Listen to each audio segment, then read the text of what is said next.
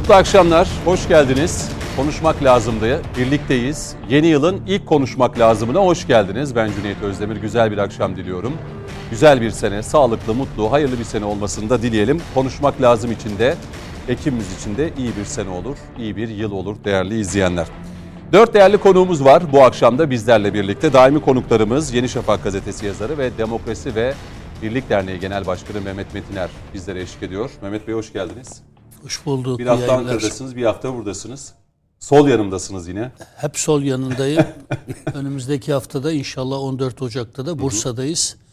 Merinus Kültür Merkezi'nde Türkiye yüzyılında Kürtler panelimizi, söyleşimizi yapacağız. Türkiye'yi gezmeye devam edeceksiniz öyle evet, gözüküyor. Yani bu ayda inşallah 14'ünde Bursa, 21'inde Mardin, 28'inde de Mersin'deyiz. Hayırlısı olsun. İnşallah. Biz de fırsat buldukça İnşallah. gelmeye çalışıyoruz zaten. Ee, yine daimi konuğumuz Coşkun Başbuğ bizimle birlikte. Coşkun Bey hoş geldiniz. Hoş bulduk, iyi akşamlar. Teşekkür ediyorum. Ee, bir akademisyen konuğumuz bizlerle beraber. Zaman zaman e, kendisini konuk ediyoruz. Ee, doçent doktor Mehmet Yalçın Yılmaz. Hocam hoş geldiniz. Hoş bulduk. Hem akademisyen hem yazar diyeceğiz artık. Evet, Star Gazetesi yazarıyım. Evet, Star Gazetesi yazarı aynı zamanda. Ve Ankara stüdyomuzda da hukukçu, avukat Mustafa Kemal Çiçek bizlerle beraber. Mustafa Bey hoş geldiniz yayınımıza. İyi akşamlar dileyelim Ankara'ya.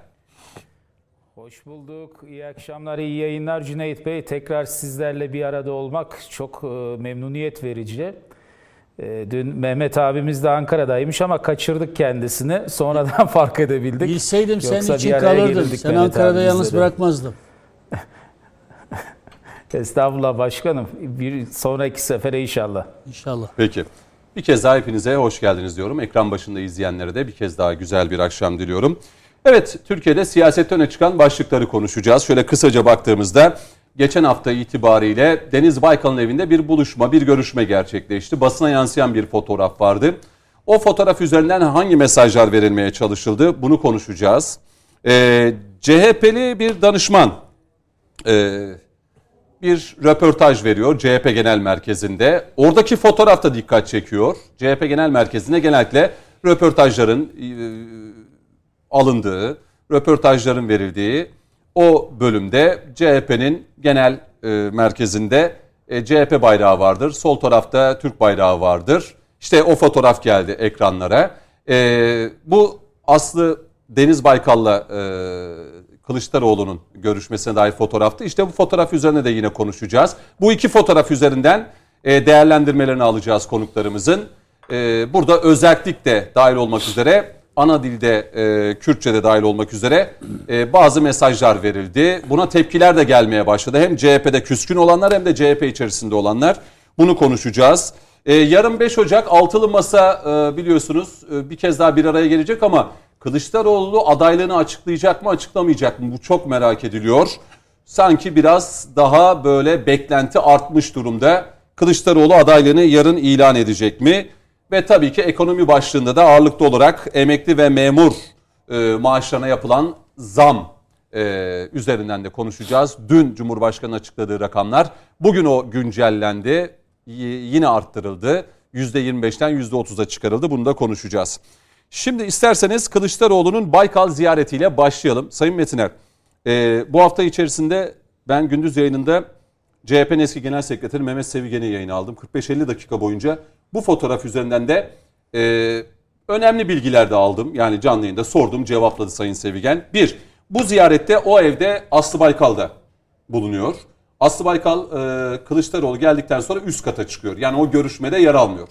İki, fotoğraf çekilirken e, Deniz Baykal bu fotoğrafın çekilmesini istemiyor. Mehmet Sevigen sorduğum için Mehmet Sevigen'in ağzından çıkanlar üzerinden bu bilgileri veriyorum. E, Kılıçdaroğlu ısrar ediyor ve bu fotoğrafın çekilmesini istiyor. Ve Deniz Baykal bundan rahatsız oldu mu diye bir soru yönelttim. Evet dedi çok rahatsız oldu dedi. Bu cevabı da verdi. Şimdi bir bu ziyaret niye oldu? Ha, bir de şu Sevigen'in söylediği çok dikkat çekiciydi. Yani bir manşetlik cümleydi. Ee, Kılıçdaroğlu dedim neden Baykal'ı evinde ziyaret etti? Hani filmlerde ya da işte adli vakalarda e, çok önemli bir şey söylenir işte katille alakalı. Katil mutlaka cinayet işlediği yere e, bir kez daha gelir diye. Bunu söyleyince zaten ben bir orada bir e, şaşkınlıkla karşıladım. Buradan sözü size vereyim. Yani bu fotoğraf Deniz Baykal'ın hoşnutsuzluğu, e, Kılıçdaroğlu'nun ısrarla bu fotoğrafın çekilip basına ya da sosyal medyada servis edilmesini siz nasıl görüyorsunuz? Yani Sayın Baykal'ı deviren kim? Kemal Kılıçdaroğlu. Sayın Baykal'a kurulan kompası e, gerçeğe dönüştüren kişi Kemal Kılıçdaroğlu. Hem Sayın Baykal'ın o dönemde bir kompasa kurban gittiğini söylediler. Hem de kendi genel başkanlarını bir kompas sonucunda e, koltuğundan ettiler. Bu Hı. kabul edilebilir bir durum değil. Eğer orta yerde Sayın Kılıçdaroğlu'nun da o dönem CHP Grup Başkan Vekili olan Sayın Kılıçdaroğlu'nun da iddia ettiği gibi Sayın Genel Başkan Kemal e, şey Deniz Baykal'a yönelik bir kompas söz konusuysa liderlerin arkasında durmaları gerekiyor. Hı hı. Yani hem kompasa uğradığınızı iddia edeceksiniz hemse kompasa uğradığını iddia ettiğiniz liderinizin arkasında durmayacaksınız. Evine gene ziyarete gideceksiniz. Ziyaretten çıktığınızda da ben asla e, genel başkan adayı olmayı düşünmüyorum diyeceksiniz. Liderimin yanındayım diyeceksiniz ama iki gün sonra kongrede kendi genel başkanınızı alaşağı edeceksiniz. Bu ne anlama gelir? Kemal Bey'in de bu kompasın bir parçası olduğu anlamına gelir. Hmm. Siyaseten ortaya çıkan sonuç bu. Sonrasında Deniz Baykal'a yakın ne kadar çok genel merkez yöneticisi varsa, ne kadar çok parlamenter varsa partiden tasfiye edeceksiniz. Ama işte bugün de gene Deniz Baykal'a muhtaç hale geleceksiniz. Bu CHP'nin aziyetidir aslında. Kılıçdaroğlu'nun siyaseten aziyetidir. Nasıl bir siyasi aziyettir bu? Şudur. Hem Kemal Bey, Deniz Baykal'ın zihniyetini CHP'den tasfiye etmeye çalışıyor hem de Baykal'ın bütün kadrolarını tasfiye etmeye çalışıyor. Hı hı. Ama günün sonunda da gidiyor Baykal'la çekeceği bir fotoğrafa muhtaç hale geliyor. Niye? Çünkü Baykal'ın kızı Aslı Baykal çok güçlü bir çıkış yaptı. Ama gerçekten kişilikli, onurlu, saygın bir çıkış yaptı. Ne dedi? Evet ben Baykal'ın kızıyım ama sadece Baykal'ın kızı değilim. Ben Aslı Baykal'ım dedi. Ben babamdan icazet alarak konuşacak bir insan değilim dedi yani. Belki babam söylediklerime katılmayabilir ama Hı. yani böylesine kişilikli bir duruş CHP içeriden sarsabilecek bir takım haklı eleştiriler getiren bir yeni siyasal duruş ve Kemal Bey koşa koşa gidiyor. Deniz Baykal'ı evinde ziyaret ediyor. Eğer Mehmet Sevigen'in anlattıkları doğruysa ki Mehmet Sevigen'i e, çok yakın yakinen tanırım. İyi bir siyasetçidir, iyi bir dosttur, iyi bir çok insandır. Çok özür diliyorum. Şimdi e, TVNet Twitter hesabından da o günkü e, yayın esnasında söyledikleri de e, paylaşıldı. E, Kılıçdaroğlu Deniz Baykal fotoğrafıyla rep, reklam yapmak istedi diyor. Doğru. Deniz Baykal'ın adayı kesinlikle de Kemal Kılıçdaroğlu değildir diyor Sevigen. O yayında bunu da söyledi. Yani Mehmet Sevigen söylüyorsa bunu Baykal'ın onayını almadan söylemez. Baykal'a yakınlığı o kertededir. Hı hı. Aynı şeyi Yılmaz Ateş söyledi. Gene Baykal'ın o tarihlerde genel başkan yardımcılığını yapan Yılmaz Ateş söyledi. Bütün bunların doğru olabileceğine şahsen ihtimal ver. Yine bu görüşmeye Levent Gök aracı oldu dedi e, Mehmet Sevigen. Kemal Bey çektirdiği fotoğrafla Deniz Baykal'ın desteğini alıyorum mesajı vermek istedi. Deniz Baykal kesinlikle Kılıçdaroğlu'nun adaylığını desteklemiyor. Peki niye Mehmet Sevigen bunu niye niye e, Kemal Bey e, şeyin desteğine ihtiyaç hissediyor? Onu anlamadım. Çünkü ya İmamoğlu ile arasında rekabet ya Sevigen devam ediyor. yayında şunu söyledi. Yani CHP'de dedi Atatürkçü, ulusalcı, cumhuriyetçi kimseyi bırakmadılar dedi. Ben siyasi aziyetten bunu kastediyorum zaten. Eğer koskoca bir parti hı hı. seçime 5-6 ay kala Deniz Baykal'a muhtaç hale gelmişse, getirilmişse evet. demek ki Kılıçdaroğlu'nun siyasi başarısından söz etmek mümkün değil. İki, bir diğer konuda şu, en önemlisi şu. Hani zaten Erdoğan bitmiştir. Millet İttifakı zaten altılı masa dediğimiz o ittifak kim adayı gösterse göstersin zaten seçilebilecektir iddialarına kendileri inanıyor olsaydı böyle bir hmm. e, poz üzerinden siyasal e, güç gösterisinde bulunma ihtiyaç hissetmezlerdi.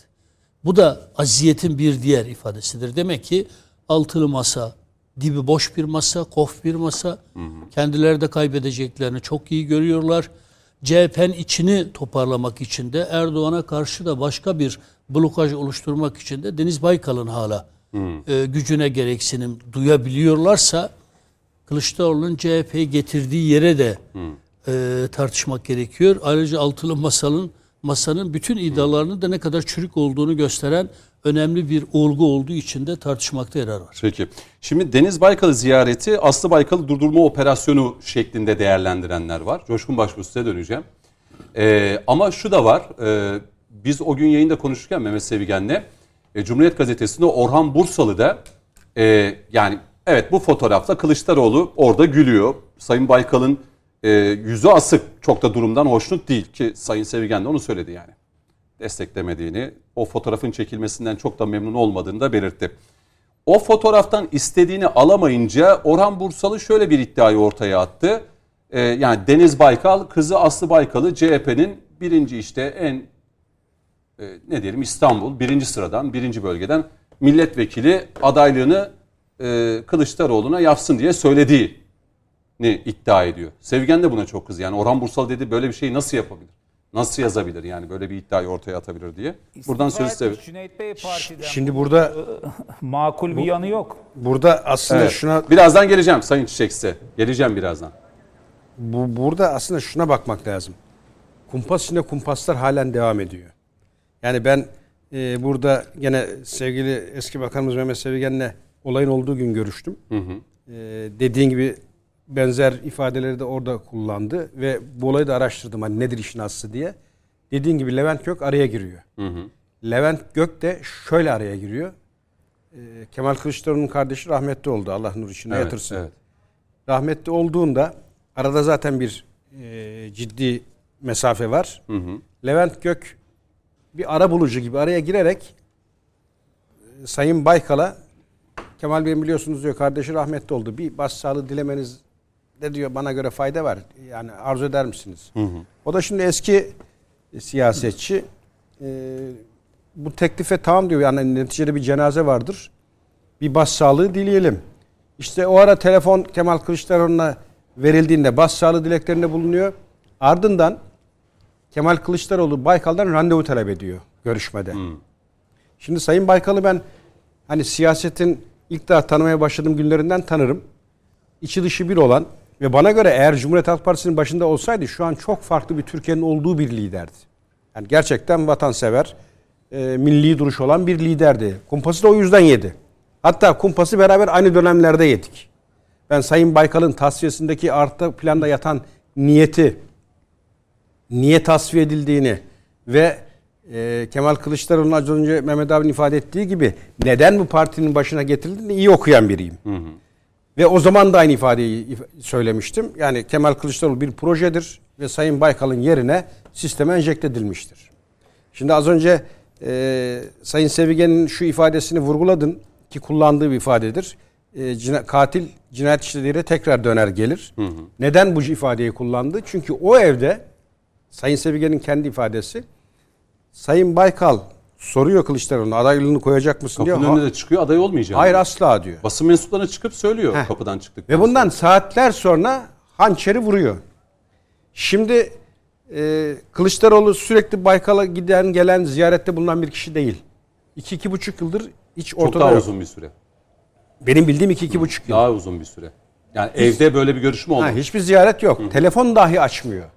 Ki Cumhuriyet Halk Partisi'nin şu an tasfiye edilen Atatürkçü kadroları yine hani FETÖ'nün partisine döndük diyen önemli isimler Sayın Baykal'la 15 günde bir, ayda bir muhakkak ya telefon ya ziyarette bulunarak e, istişareye devam ettiriyorlar.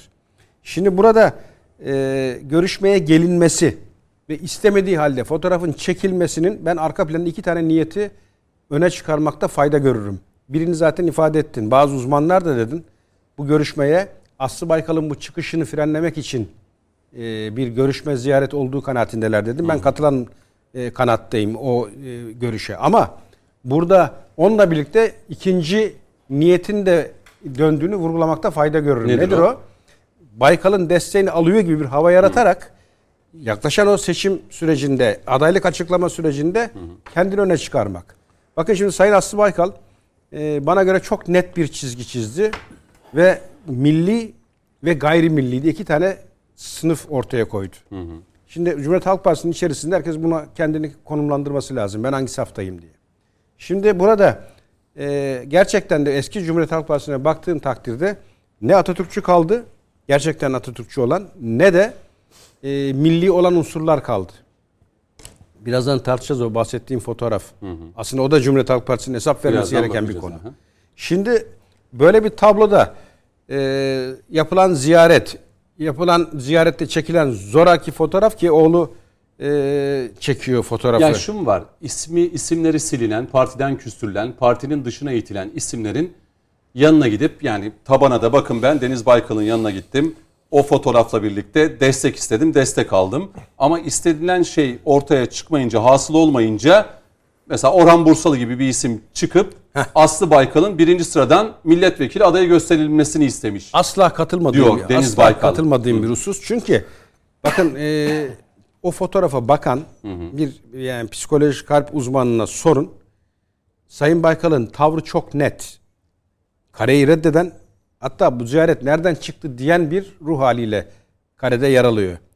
Yine Kılıçdaroğlu'nun suratına bakarsanız hani bir danışman ekip var bana göre şu an. Hem İmamoğlu'na hem Kılıçdaroğlu'na hizmet eden. Onlar bir takım e, rolleri, bir takım e, böyle ısmarlama kareleri özellikle son günlerde verdirmeye başladılar. Evet. Orada bir talimat var. Gülerek fotoğraf çektireceksiniz. Eğer hani Sayın Baykal'ın da bir boşluğunu yakalarlarsa bakın işte mutlu bir kare, mutlu bir buluşma ve buradan gelen de bir destek. Mesaj bu. Ama Sayın Baykal öylesine net bir tavır ortaya koyuyor ki e, bu görüşmeyi reddeden ve asla böyle bir desteği de vermeyeceğini ifade eden bir cümle.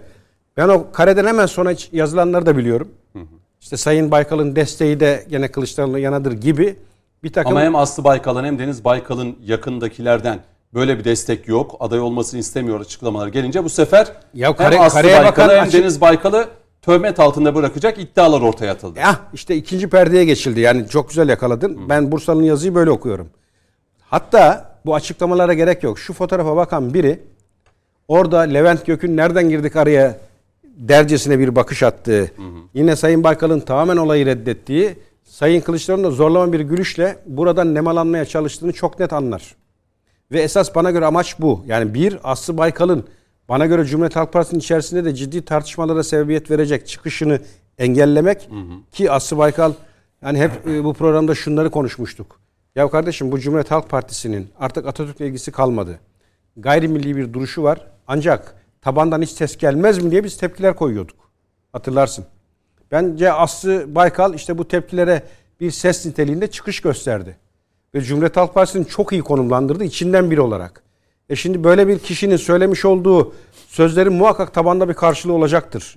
Kılıçdaroğlu bunu hissettiği için Aslı Baykal'ın o e, oluşacak tepkiyi enlemek, tabandan gelecek tepkiyi önlemek, aynı zamanda da Baykal'ın sempatisini kazanmak için bir zoraki e, ziyaret.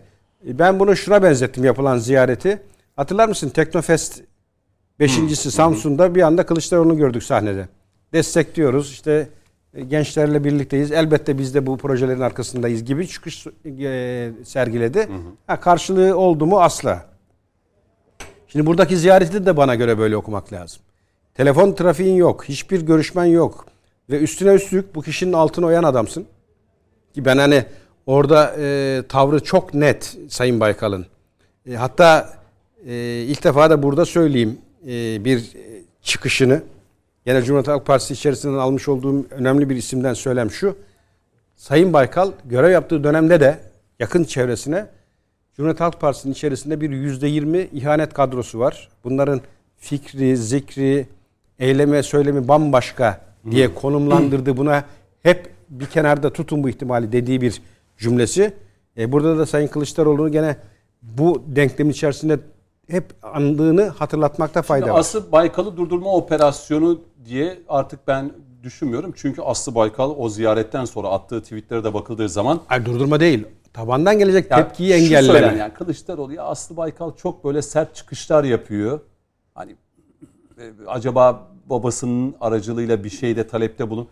Yok Aslı Baykal mümkün. bugün ikinci fotoğrafa öyle bir tweet Tabii paylaştı tabii işte ki. onu diyorum. Ya, attığı tweetlerle Aslı Ben Baykal'ın görüşmede Aslı Baykal konusunun hiçbir şekilde Evet. gündeme getirilmediği Adı dahi geçmemiştir. Çünkü ya Orhan Bursa'nın iddiasına ne diyorsunuz? Yani yani birinci sıradan şey, milletvekili iki- bir Sayın Baykal'ı siyaseten itibarsızlaştırmak. Kızını da. Yani kendi Bir kızı için, kendi kızı için milletvekili isteyebilecek düzeye indirgenmiş bir Deniz Baykal profili ki bunu asla yapmaz. Deniz Baykal'a bir e, itibar suikastıdır. İki, Aslı Baykal asla böyle bir görüşmenin konusu olabilecek bir isim değildir. E, Dolayısıyla Aslı Baykal'ın da aslında bütün bu çabasının dibinde baba sözlerinden kendisini milletvekiline, parlamentoya taşımak olduğunu Aslı Hanım'a da yönelik bir itibar Peki. suikastıdır. Şimdi CHP içerisini iyi bilen Mustafa Kemal Çiçek'e dönelim. Burada Mustafa'ya gitmeden şunu söyleyeyim. Bakın dikkat edin. Kılıçdaroğlu başlıklı olmak üzere son günlerde İmamoğlu dahil bütün operasyonlar ters tepiyor. Ve hep tuzaklar elde patlıyor. Geçen hafta yaşananlar dahil. Ben bu olaya da böyle okunması gerektiği kanaatindeyim. Bunu önüne geçmenin yolu Bursalı'ya bu yazıyı kaleme aldırmak. Peki. Sayın Çiçek siz e, süreci nasıl görüyorsunuz? E, yani mesela CHP'den küstürülmüş, ayrılmış e, ya da isimleri silinmiş. Yani mesela Muharrem İnce ile beraber bir dönemde siyaset yaptınız. CHP'de de bir dönem bulundunuz. E, o zaman bu mantıkla gidecek olursak Sayın Kılıçdaroğlu Muharrem İnce'yi de ziyaret eder mi? Böyle bir fotoğraf verir mi diyeyim. Pası öyle atayım size. Yok Cüneyt Bey tekrar Memleket Partisi'ne döndük. E, Davamızı kazandık. Şu anda Memleket Öyle mi? Partisi'nin üyesiyim. Oo tekrar Gerekçeli- hayırlı olsun. gerekçeli Hayırlı olsun o karar zaman. yazıldıktan sonra yolumuza bakarız. Orada Peki. bir haksızlık, bir hukuka aykırılık, bir kötü niyetli davranış oldu ama hukuktan döndü bu. Peki. Şimdi tabii şöyle değerlendirmek lazım. Sayın Deniz Baykal, Cumhuriyet Halk Partisi'nin ikinci kurucu genel başkanıdır. Büyük Önder Mustafa Kemal Atatürk işte ilk zamanda 1923'te partiyi kurmuştur 9 Eylül ki işte 100. yılına girdi. İşte 92'de de 1992 işte 80 darbesi neticesinde kapatılan Cumhuriyet Halk Partisi'nde 92'de tekrar e, hayata kavuşturan, açan e, Sayın Baykal'dır. Ve 17 yıl e, süresince de e, genel başkanlık yapmıştır. Cumhuriyet Halk Partisi'nin sonuç itibariyle hafızasıdır, beynidir, önemli bir ismidir. Hal böyleyken ben şunu net söyleyebilirim. E, Sayın Baykal'a büyük vefasızlık yapıldı net olarak ortada. Bunun başka türlü yorumlanmasının hiçbir e, gerekliliği olmadığı kanaatindeyim. İşte Ekim 2017 Sayın Baykal'ın bu e, rahatsızlığı geçirdiği tarih işte Avrupa Parlamentosu'ndan Strasbourg'dan döndüğü gecenin sabahında bu rahatsızlığı geçirdi. 2017'nin üzerine korsanız 5 seneyi aşkın bir süre olmuş durumda. Tabii Sayın Baykal'a kimsenin şunu söylememesi lazım. 2018'de milletvekili olduğu dönemde o, o dönemde milletvekilliği müracaatlarını alan birimin başında ben bulunuyordum. Son dakikaya kadar Deniz Baykal'ın bir müracaat söz konusu olmadı. O dönemde de tartışılıyordu işte Deniz Bey'in yerine 2018 Haziran'da Aslanım'ın milletvekili olarak müracaat edeceği ama Aslanım o zaman da tevessül etmedi. Deniz Bey de esasında tevessül etmedi ama son dakika ne oldu bilmiyorum. Deniz Bey'in koruması marifetiyle dosyası getirildi. İşte lis, e, müracaatların herhalde son saatinde falan Deniz Bey'in milletvekilliği müracaatı geldi. Yani o zaman da o pazarlıklar yapılmadı. O zaman da Deniz Baykal'ın müracaatını genel merkezin istediğinde net olarak biliyorum. Şimdi tabii burada şu var. Biliyorsunuz 2008 yılındaki tüzük değişikliğini 2010 yılında e, Yargıtay Cumhuriyet Başsavcı'nın ihtarı üzerine uygulanması talep edildi. İşte o uygulamayı talep eden isimlerden birisi o masada bulunan Levent Kök'tü. O tüzüğün uygulanmasından sonra zaten 2010'da o tüzük uygulandı ve o tüzüğün verdiği güçle ki Önder Sav ve ekibi o tüzüğün 2008'de kabul edilen tüzüğün uygulanmasını istemiyorlardı belli bir süre. Ama Yargıtay'a müracaat yapılınca Levent Gök tarafından herhalde başka isimler de vardı yanında. ihtar üzerine o tüzük uygulandı. İşte sonrasında Kılıçdaroğlu'nun genel başkanlığı ve o tüzüğün verdiği imkanlarla süreç içerisinde partide milli kadroların, Atatürkçü kadroların süreç içerisinde tasfiyesi başladı. Aslanım şu an şundan umutlu değildir. Çünkü Aslanım bir bilim kadınıdır, görüyordur tabloyu. İşte bu kadar söz edenler var Atatürk'e, Cumhuriyete, Milli Devlet'e hala oralarda duracak mısınız diye sürekli söyleniyor. Duracaklar. E çünkü zaman e, koltuk e, zamanı, makamları, mevkileri koruma zamanı. İşte o cesareti gösteren zaten 8-10 tane isim oldu. O isimlerin de gösterdiği bu cesaret de zaten tarihe geçti başkalarından şu dönem içerisinde çıkıp da bu süreci eleştirmelerini beklemek biraz bence hayal ürünü olur diye değerlendiriyorum. Ama ne zaman olur? Kemal Kılıçdaroğlu vekillik listesini belirlerken ki CHP kulislerinde şöyle de bir durum var. Yapılan açıklamalarda, çalışmalarda 170-175 milletvekili çıkaracağız. Bunun 50-60 tanesini ittifakın unsurlarına vereceğiz ki İyi Parti hiçbirisini almayacak gibi görünüyor.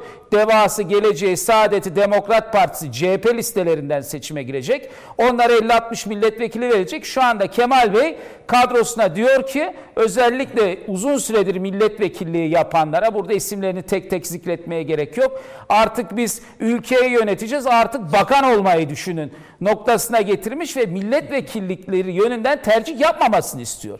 Yani bir şekilde o insanlar işte şunu düşünüyor. Ha Kemal Bey kaybederse, Kemal Bey yerine başkası aday olursa biz de milletvekiline müracaat etmedik. Bu da elden gidecek. Şu anda CHP'deki mesele CHP'nin ilkeleri, devletin hepimizin kabullendiği esaslarına yönelik bir savunmanlık değil. Aksine koltuklarını muhafaza etmek.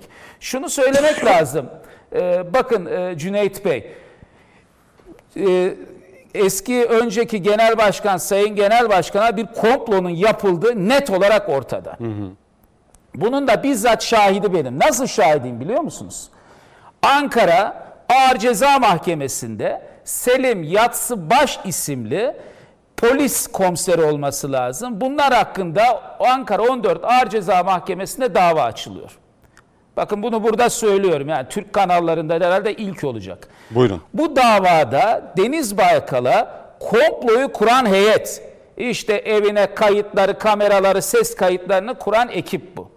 Tabii e, biz o dönem içerisinde Ankara Barosu nezdinde e, CMK komisyonuna dahil olduğumuz için hı hı. beni görevlendiriyorlar. Bu e, Selim Yassıbaş adlı isme. Çünkü zorunlu müdafilik var. Siz de sistemdesiniz. Hı hı. E, işte görevlendirme veriyor. Ben gidiyorum dosyayı inceliyorum. Bakıyorum ki burada müşteki Sayın Deniz Baykal. Komployu kuranlar FETÖ mensupları, işte polis memurları, polis komiserleri, işte bunun içerisinde kaçakçılık organize var, bilmem başka birimler var. Ve ben bunun üzerine mahkeme başkanına gidiyorum. Efendim diyorum ben CHP'nin tüzel kişiliğinde avukatlığını yapıyorum. Benim bu dosyayı takip etmem mümkün değil. Eski genel başkanımız hakkında. Sonrasında ben gidiyorum. O dönem zannedersem hukuktan sorumlu genel başkan yardımcısı Muharrem Erkek. Kendisine diyorum ki bakın Sayın Baykal hakkında müşteki olduğu böyle bir dosya var. Yani bu yaklaşık 3 yıl, 4 yıl önce olan bir hadise. Evet, yani 4 evet. yılı geçmemiştir. Böyle bir dosya var. Partimizin buna müdahil olması gerekir. Sizin eski genel başkanınız. Gelirken diyorsunuz ki Sayın Baykal'a yapılan bu komployu ben ortaya çıkaracağım. İşte ben üzerine gideceğim diyorsun. Sonrasında birkaç gün sonra Muharrem Erkek bizim bu dosyayı takip etmemize gerek yok. Kendi vekilleri marifetiyle takip ediliyormuş diyor. Ki muhtemelen bu bilgiyi genel başkana iletti. Çünkü tek başına müstakil olarak o kararı vermesi mümkün değil. Onun üzerine parti olarak bu dosyaya dahil olunmuyor. Bu dosya halen devam ediyor Ankara Ağır Ceza Mahkemesi'nde. Geldiğim nokta şu önceki genel başkana, Cumhuriyet Halk Partisi'nin kurucu ikinci genel başkanına komplonun yapıldığı dosyaya Cumhuriyet Halk Partisi müdahil olmadı. E şimdi baktığınız zaman Sayın Baykal bunları görüyor. Ben Sayın Baykal'ın yakınındaki ekibe de bunu ilettim zaten. Bu, onların da bilgisi var. Partisi hiçbir şekilde sahip çıkmıyor. Partide Baykal'a yakın olan belediye başkanı, delege, milletvekili kim varsa hepsi tasfiye edilmiş durumda. 3 yıl sonra, 3,5 yıl sonra herhalde en son hastanede fizik tedavi aldığı zaman bir ziyaret gerçekleştirmişti. Hı. Gidiyorsunuz bir anda bir ziyaret gerçekleştiriyorsunuz. Ve bir de o kadar ahlaksızca yaklaşımlar var ki bugün bazı yerlerde gördüm. İşte Halk TV ile alakalı olarak gitti buna ilişkin görüşme yaptı diye. Yani e, olayı başka noktalara hmm. çekiyorlar. Çünkü ellerinde patladı. Sayın Baykal'dan e, ciddi bir ilgi alaka görmediler. Zoraki bir misafirlik olduğu burada net. Belli bir amaca hizmet etmesi için o fotoğrafın çekildiği net. Ama hiçbir şekilde buna yönelik bir yakınlık göremeyince, hmm. kamuoyunda da buna yönelik bir ilgi alaka göremeyince işi başka noktalara çevirmeye getirdiler. Netice itibariyle şunu söylüyorum ki Cumhuriyet Halk Partisi geçmişine, hafızasına hiçbir şekilde e, sahip çıkma durumunda değil. İşte biraz önce Coşkun abi ifade etti. Siz parti genel merkezinin ikinci katında basın odasında Türk bayraklarını kenara çekiyorsunuz. Danışmanınız açıklama yapıyor orada. Bugün Faik Öztrak çıkıyor soru üzerine diyor ki e, Partimizi bizi, bağlamaz. Partimizi bağlamaz bu. Ya mi- milletvekilinin dediği bağlamıyor. Belediye başkan dediği bağlamıyor. İl başkanının dediği bağlamıyor. Nevap Biley Siirt'te parti meclisi üyesinin dediği Diyarbakır Kürdistan'ın merkezidir vesaire diyor. Bağlamıyor. Ya partiyi ne bağlıyor bunu anlamak algılamak mümkün değil. Milletin hafızasıyla herkesle dalga geçen bir tablo var. Onun için e, bunları Türk kamuoyu görüyor. Bunları Peki. değerlendirecektir ve en ulvi şekilde takdir edecektir diye düşünüyorum Cüneyt Bey. Peki. Mustafa'ya bir soru sorayım mı? Ee. Mehmet Hoca'ya soru Yani Mustafa şu- Kemal mi? Evet. Deniz Baykal'ın bu davasıyla alakalı Evet evet mı? dava ile ilgili. Peki. O önemli bir konu bahsettiği. Davaya müdahil olmuyor. Kim? Cumhuriyet Halk Partisi. Kimin davası? Genel başkanının davası ve kumpas bir dava. Mustafa sorum şu. Bildiğim kadarıyla parti müdahil olmadığı gibi kimsenin o davaya gitmesine de müsaade edilmiyor. Doğru mu? E, tabii ki yani siz bu ülkede 15 Temmuz e, darbesini gerçekleştiren hainlerin dahi dosyalarının bir kısmını gittiniz takip ettiniz. Osman Kavalaların dosyalarını takip ediyorsunuz. Başka birçok isim var aklıma gelmiyor şu anda bilmem Can Dündarların şunların bunların ama kendi genel başkanınızın Ankara'da derdest dava dosyası var. FETÖ'cülerin ortaya koyduğu komployu gösterir bir dosya var ama siz bunu takip etmiyorsunuz. İşte verdim Ankara 14. Ağır Ceza Mahkemesi. İlgililer gidip kolaylıkla bunu bulabilir. Tablo budur Coşkun abi. Peki. Mehmet Hocam siyaset bilimi ne diyor buna ya? Valla şöyle Yani Coşkun Başbuğ'un söylediği hani CHP'nin son dönemdeki her fotoğrafı, her karesi, her hamlesi ters tepti. Ya da biz mi öyle görüyoruz ya da biz mi öyle düşünüyoruz? Biz doğru Ama düşünüyoruz. durum ortada bilmiyorum. Siyaset bilimi bunu neyle açıklıyor? şöyle diyelim daha e, vatandaşımızın da anlayacağı tabirle altılı masa altılı ganyana döndü. Kim yarışı kazanacak? Yani masadan kim aday olacak? Kavgası bu. Şimdi Kemal Bey öncelikle iki tane belediye başkanını dizginlemeye çalışıyor. İyi Parti'ye karşı. Ve kendisini de akredite etmeye çalışıyor. Gidebileceği yerler Deniz Bey, Hikmet Çetin, Altan Öymen, e, Murat Karayalçın gibi eski partililer onlarla fotoğraf vererek bakın ben partide dirliği düzenliği sağladım. Herkesle temasım iyi. Dolayısıyla aday ben olmalıyım mesajları veriyor. Fakat tabi burada iddialarda şu da var. Deniz Bey'in bir de oğlu var. Yani Deniz Bey'in oğlunun CHP'ye daha yakın olduğu mevcut e, yönetime. Aslı Hanım'ın ise pozisyon ortada. Aslı Hanım şimdi o ciddi bir süredir eleştirileri var. Fakat oğlunun ise Tam tersi. Babasını CHP ile yakın tutmak istediğine dair iddialar var. Bunları da Mahmut Övür yazdı. O da CHP kulislerini yakın takip ediyor. Şimdi burada ben şöyle bir şey e, de sorgulamak isterim. Tamam Deniz Bey e, bir operasyona uğradı. Aradan da 10 yıl aşkın bir zaman geçti. Peki Deniz Bey ne zaman konuşacak? Deniz Bey'e kim şantaj yaptı? Kimler yaptı? Deniz Bey'den ne istediler? Tamam saygı duyuyoruz yani Deniz Bey'in siyasi geçmişi, partisindeki pozisyonu belli. Ee, önemli bir siyasetçi Türkiye'de. Ee, bir operasyon yedi partisinde ve koltuğunu kaybetti. Yani 2008'deki Kemal Bey önemli bir vurgu yaptı. Yani tüzük değişikliği meselesine ee, daha sonra karşı çıktı. Ee, kendisi ve Önder Sal. Bu tüzük değişikliği Yargıtay e, üzerinden geldi, uygulandı ve partinin içi boşaltıldı. Deniz Bey ile Önder Sav'ın etkisi kalmadı. Ve Kemal Bey partide ciddi bir e, dönüşüm yaşattı. Partinin her tarafına hakim oldu. Bakın kurultaya gitmiyor, seçime doğru. Partide hiçbir şeyi oynatmıyor. İnsanlar bana itiraz etmesin. E, tek güçlü ben olayım diye bir tek parti düzeni kurdu aslında parti içerisinde.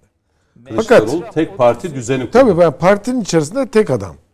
Tam bir İnönü dönemi diktatör diyorsun. ya. Çok güçlü. Çok güçlü yani. Hani eleştiriyorlar ya Türkiye'de AK Parti'yi falan filan. A- Asıl şu anda CHP çok güçlü. Yani Bütün il teşkilatları, bütün parti meclisi her şeyde Kemal Bey var yani. Çok güçlü. Delegenin yüzde doksanında hakim, Hakim. yani. Yüzde doksanı. Çok net. Şimdi bunlar tamam. Peki e, Sayın Baykal ne zaman konuşacak? Türk siyasi hayat- hayatının Deniz en Baykal'ın önemli dönemi. konuşması mı lazım diyorsun? Tabii ki konuşması lazım. Yani yaşadığı hikaye üzücü. Evet özel hayatı Aslında ilk gün konuştu Mehmet.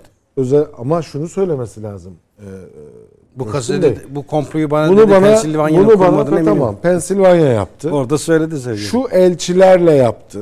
Benden şunu istediler. Ha detay diyorsun. Partiye şunları koymamı istediler. Partiye şu kişileri üye yapmamı, delege yapmamı, yönetici yapmamı istediler veya istemediler. Bakın Çıkıp Şu anda bir lazım şeydeyiz yani. Şüphe içerisindeyiz. Ne hangi yöntemlerle istediler? Kimi gönderdiler? Gönder kendisine gönderilenler memur muydu?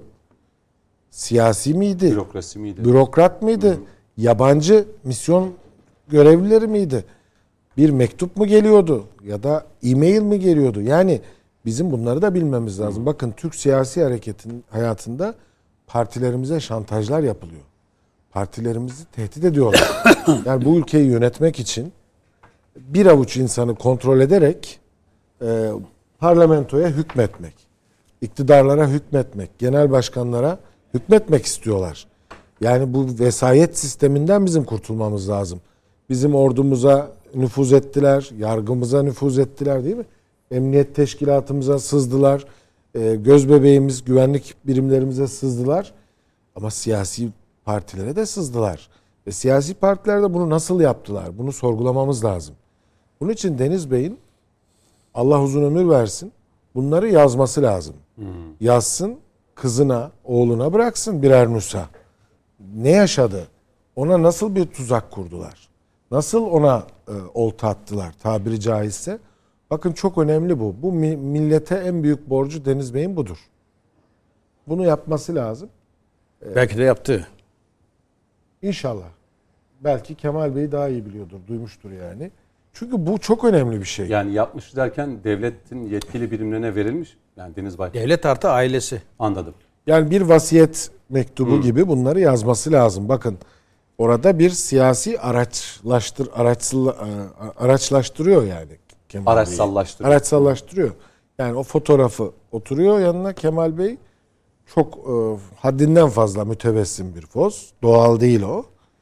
Ve e, Deniz Bey zaten rahatsız. Sağlık sorunu var. Değil mi yani? Zaten göz teması da kuramıyor. E, ve çok zor bir durumda o fotoğrafta. Belli. E şimdi o, o fotoğraf hangi sahiplerle çekildi? Bakın bir tartışma konusu. Çünkü Deniz Bey'in kendisini savunma, ifade etme şansı tanınmıyor belki. Belki oğlu baskı yapıyor. Baba CHP ile aramızı kötü yapma diyor. Bilmiyoruz yani. Şimdi o Dolayısıyla hayattayken bence Deniz Bey bazı Bunları şeyleri açıklığa açıklasın. kavuşturması lazım. Mehmet Sevgen'i açıklasın. E, Yılmaz Sevgen Ateş'i söyledi açıklasın. işte, Deniz E, tabii. Baykal. Şimdi Deniz bunlar Baykal'ın önemli. adaylığını des- Deniz Baykal Kılıçdaroğlu'nun adaylığını desteklemiyormuş. Bunu söyledi Mehmet Sevgi. O zaman Deniz Bey şunu yapsın. Benim adıma şu şu isimler konuşabilir. Ee, ve siyasi sorumluluk sorumluluğum gereği şu arkadaşlarım vekildir. En güvendiği isimleri söylesin. Aslı? Baykal bir Yani anlamda basın önüne Deniz çıkmayabilir. Baykal'ın da sanki e, bir anlamda sözcüsü gibi Bilmiyoruz yani Aslan'ın bir vatansever, yurtsever, samimi bir Cumhuriyet Halk Partili tonuyla önemli şeyler söylüyor. Asla hafife alamayız. Çok önemli şeyler söylüyor. İtiraz ediyor. Tıpkı Mehmet Ali Çelebi'nin duruşu gibi e, yerli, milli, Atatürkçü, vatansever bir tutum sergiliyor. Ve bu CHP'de çok büyük bir tabii şey uyandırdı. Rahatsızlık uyandırdı. Zaten bu fotoğrafın arkasında tabii ki bu sahip de var. Yani Aslı Baykal böyle diyor ama bak ben babasıyla beraberim pozu veriyor. Ama bunun e, CHP içerisinde tartışıldığı kadar Türk siyasi hayatına da yansımaları bence olacaktır. Bence e, Deniz Bey konuşmalı. Yani Zaten yaşadığı Aslı- dönemi Aslı çok iyi anlatmalı. söyledi. Yani bu eksenini şaşırmış olan ve içimi yakan CHP'yi anlattıkça cevap veremiyor ve şahsımla ilgili dedikodu üretiyorlar. Büyük beyinler fikirleri tartışır, orta halliler olayları, küçük beyinlerse insanları tartışır. Algıyla farklı sese saldıran siz mi özgürlükleri savunacaksınız diyor. Bir anlamda da aslında hani bu dedikoduları da cevap vermiş oluyor. Yani bu birinci sıradan milletvekili şimdi- adayı olması. vesaire. Aslı Baykal'ın söylemlerini sen ben söylersek yani Cumhuriyet Halk Partisi'nin dışından biri söylerse etkisi cılız kalır. İşte siyaseten söylenen söz gibi algılanır. Ama kendi içinden böyle seslerin çıkması çok anlamlı. Ben o nedenle hani o e, dip dalgası derler ya Aslı Baykal'ın o dip dalgasına sebebiyet verecek diye düşündüğüm açıklamaların önüne kesmek bana göre bu toplantının birinci amaçlarından biriydi. Yani biz babasıyla çok iyiyiz. Babayla gerekli ziyaretimizi de yaptık, görüşmelerimizi de gerçekleştirdik. Bu Aslı Baykal'ın kendi şahsi fikridir havası yaratmak. Şimdi ben Aslı Baykal'ın bu fikirlerinin sadece kendi fikri olduğuna inanmıyorum. Deniz Baykal da bence aynı paralel düşüncede olan bir kişi. Ama bilmiyoruz. Yani Mehmet İşte Hocam'ın dediği Deniz Bey konuşmalı. anlatsın. Evet konuşmalı. Sayın Baykal çıkmalı. Evet. Yani Cumhuriyet Halk Partisi'nin adayından ne bekliyor? Konuşur mu Yani Sayın bakın Metiner, şimdi- Sayın Baykal Hayır sizce? konuşmaz. Nuşirevan Neden elçi konuştu Şunun mesela. için konuşmaz. Baykal e, Mustafa Kemal Çiçek kardeşimin de dediği gibi Cumhuriyet Halk Partisi'nin kurucu iki, ikinci genel başkanıdır. başkanı. Seçime doğru giderken söyleyeceği herhangi ima yollu bir sözden dolayı bir kayıp yaşanırsa bunun kendisine yüklenebileceğini bilir. Dolayısıyla bu tarihsel vebalin altına girmek istemez. Yani kendi partisinin aleyhinde konuşarak aslında kazanabileceği bir seçimde kendi partisini e, ekarte ettiği, kendi partisine çelme taktığı kişi olarak tarihe geçmek istemez. Benim tanıdığım, bildiğim uzaktan Seçimden sonra Seçimden olur sonra konuşabilir. Hele ki seçimi kaybetmiş bir CHP ve Kılıçdaroğlu olursa. mümkündür. Ben Aslı Baykal'ın babasının birebir sözcülüğünü yaptığı kanaatinde değilim. Bu Aslı Hanım'a çok büyük bir haksızlık. Ee, çok kişilikli, saygın bir siyasetçi, iyi bir bilim kadını. Ee, ama babasının duyarlılıklarını da çok iyi bildiğini. Ya onun dile getiremediklerini hani dile getirmiş Yani olabilir mi o anlamda? ben Olabilir, hani- olabilir çünkü aynı evde yaşıyorlar. Babasını hepimizden çok daha iyi bilir. Babasının tepkilerini bilebilir. Ama birebir söylediklerinin babasının söyledikleri olduğu kanaatinde değilim. Asla öyle bir şey olmaz. İki, iki en önemli şey de şu. e, eğer Sayın Baykal ben e, hocama katılıyorum. Mutlaka açıklaması gereken, tarihe not düşmesi gereken bir isimdir. Bunu yapmazsa bunun vebali onun boynunda olur. Deniz Baykal için. Deniz Baykal'ın boynunda olur. O yüzden e, o komplo sürecinde, o operasyon sürecinde kimin kendisine geldiğini, ne teklif ettiğini, hangi tekliflerini geri Tabii. çevirdiği için böyle bir komploya maruz kaldığını anlatması lazım. Ben anlattığı kanaatinde değilim.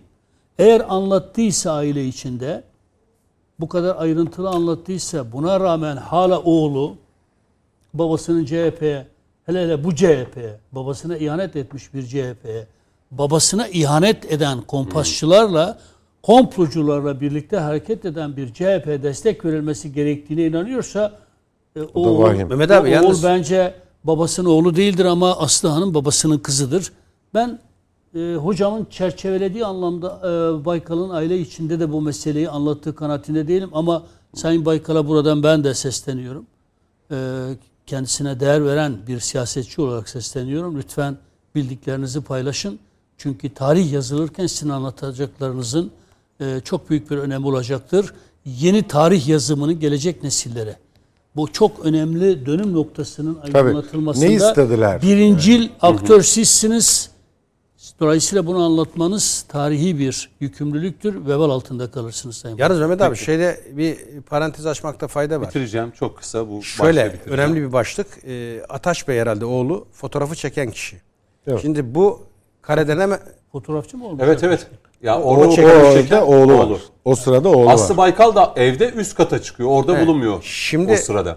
Burada burada Babasının kızı olmak böyle bir şey. ama şöyle e, belki Ataş Bey de babasının oğlu. Bu dedikodu çıkarıldı. Bilmiyorum. O fotoğraftan hemen sonra. Niye İşte babası oğlu, gibi konuşmuyor o da? he, oğlu destekliyor. İşte aslında kızı farklı ama oğlu farklı yerde. Bu konuda lehte aleyhte bir açıklama yok.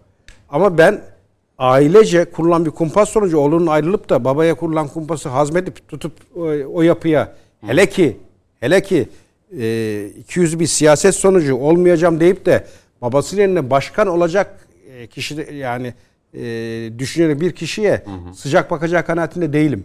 Çünkü burada e, aslında Ben Sayın- az buçuk siyaset biliyorsam şu iddiayı burada söyleyeyim. Kılıçdaroğlu siyasetinde az buçuk kestirebiliyorsam Mustafa Kemal buna katılır mı katılmaz mı fikrini bilmek isterim. Ataç Bey'i Kılıçdaroğlu aday göstererek Aslı Hanım'ın önünü Baykal önünü başka türlü kesmezse hiçbir şey bilmiyorum. Ataç Bey'in bunu kabul Ya işte etmeyeceği orası. kanaatinde de değilim. Tanımıyorum kendisini. Tanımıyorum kendisini. Ama böyle başka bir yeni siyasi kompas da olabilir.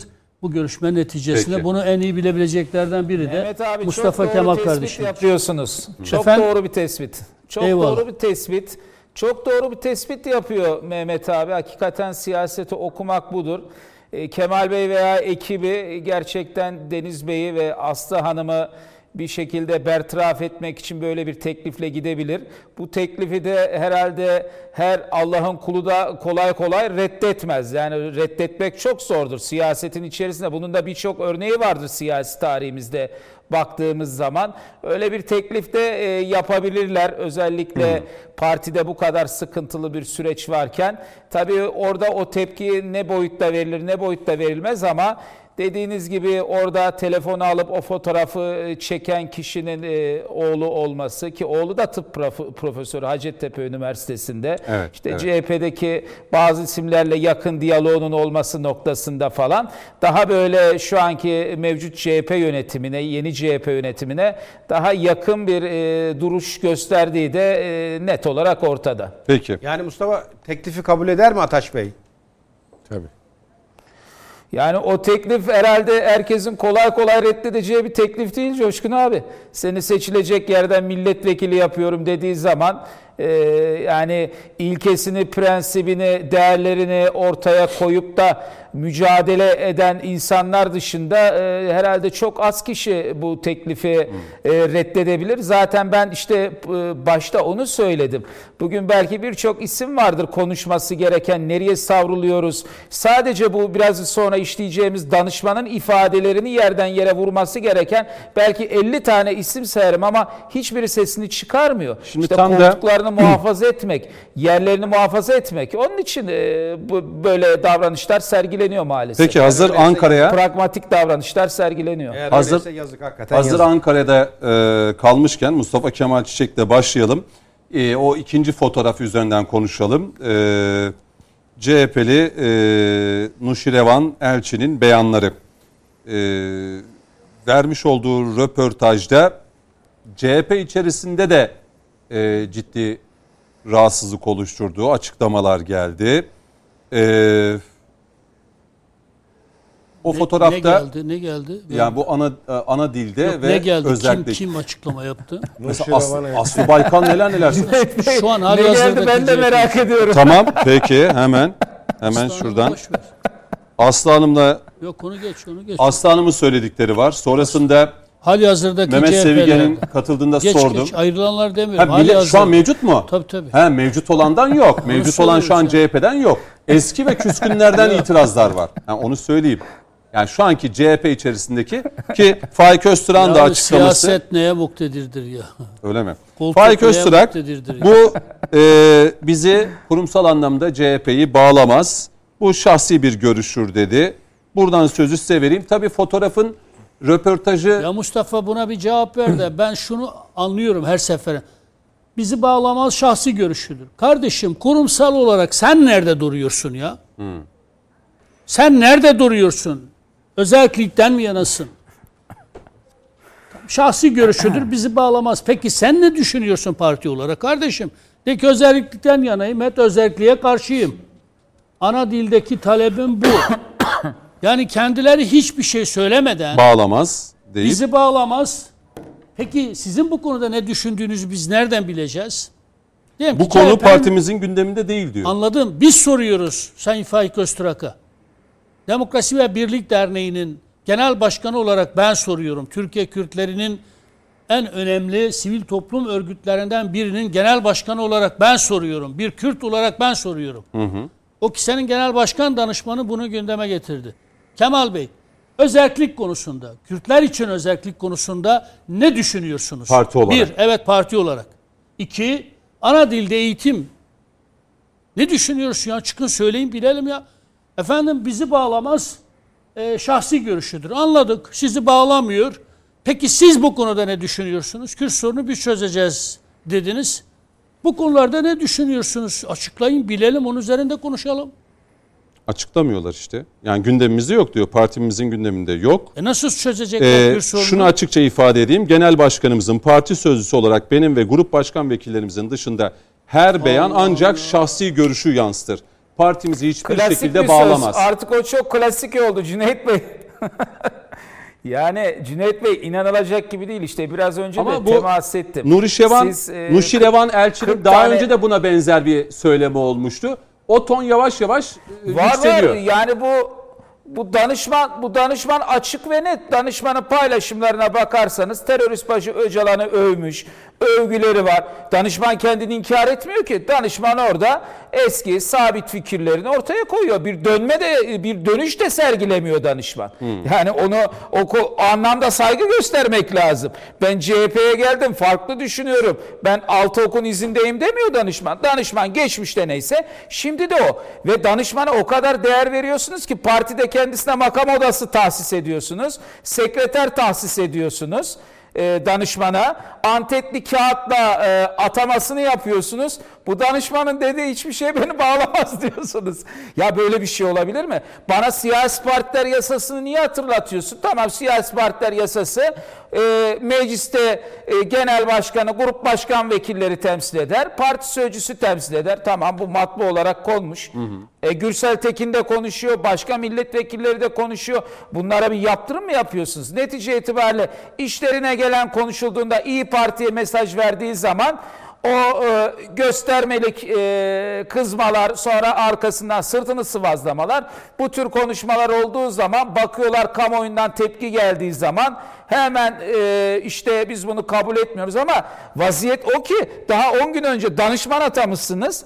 E, e, odalar tahsis etmişsiniz, sekreterler vermişsiniz kendisine. Sonra bu e, ifadeye biz katılmıyoruz. Buna gülerler sadece. Ya de Hakikaten genel başkan- gülerler. Benim Mustafa, merak ettiğim şuydu. Mustafa, genel başkan danışmanları kişisel düşüncelerini serdetme makamında olan insanlar değildirler.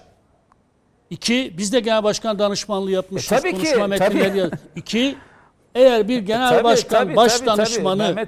kendi partisinin kurumsal aidiyetinden, zihniyetinden bağımsız hatta ona ters şeyler söyleyebiliyorsa kişisel düşünceleri bu doğrultudaysa yani partisinin kabul edemeyeceği kişisel düşüncelere sahipse siz onu nasıl partinizin genel başkan baş danışmanı yapabiliyorsunuz ya? Kimin aklıyla alay ediyorlar ya? Ayıptır ya. İkide bir de çıkıp kişisel görüştür. Partiyi bağlamaz. Peki niye genel başkan baş danışmanı yapıyorsun? Hangi özelliğinden dolayı yapıyorsun?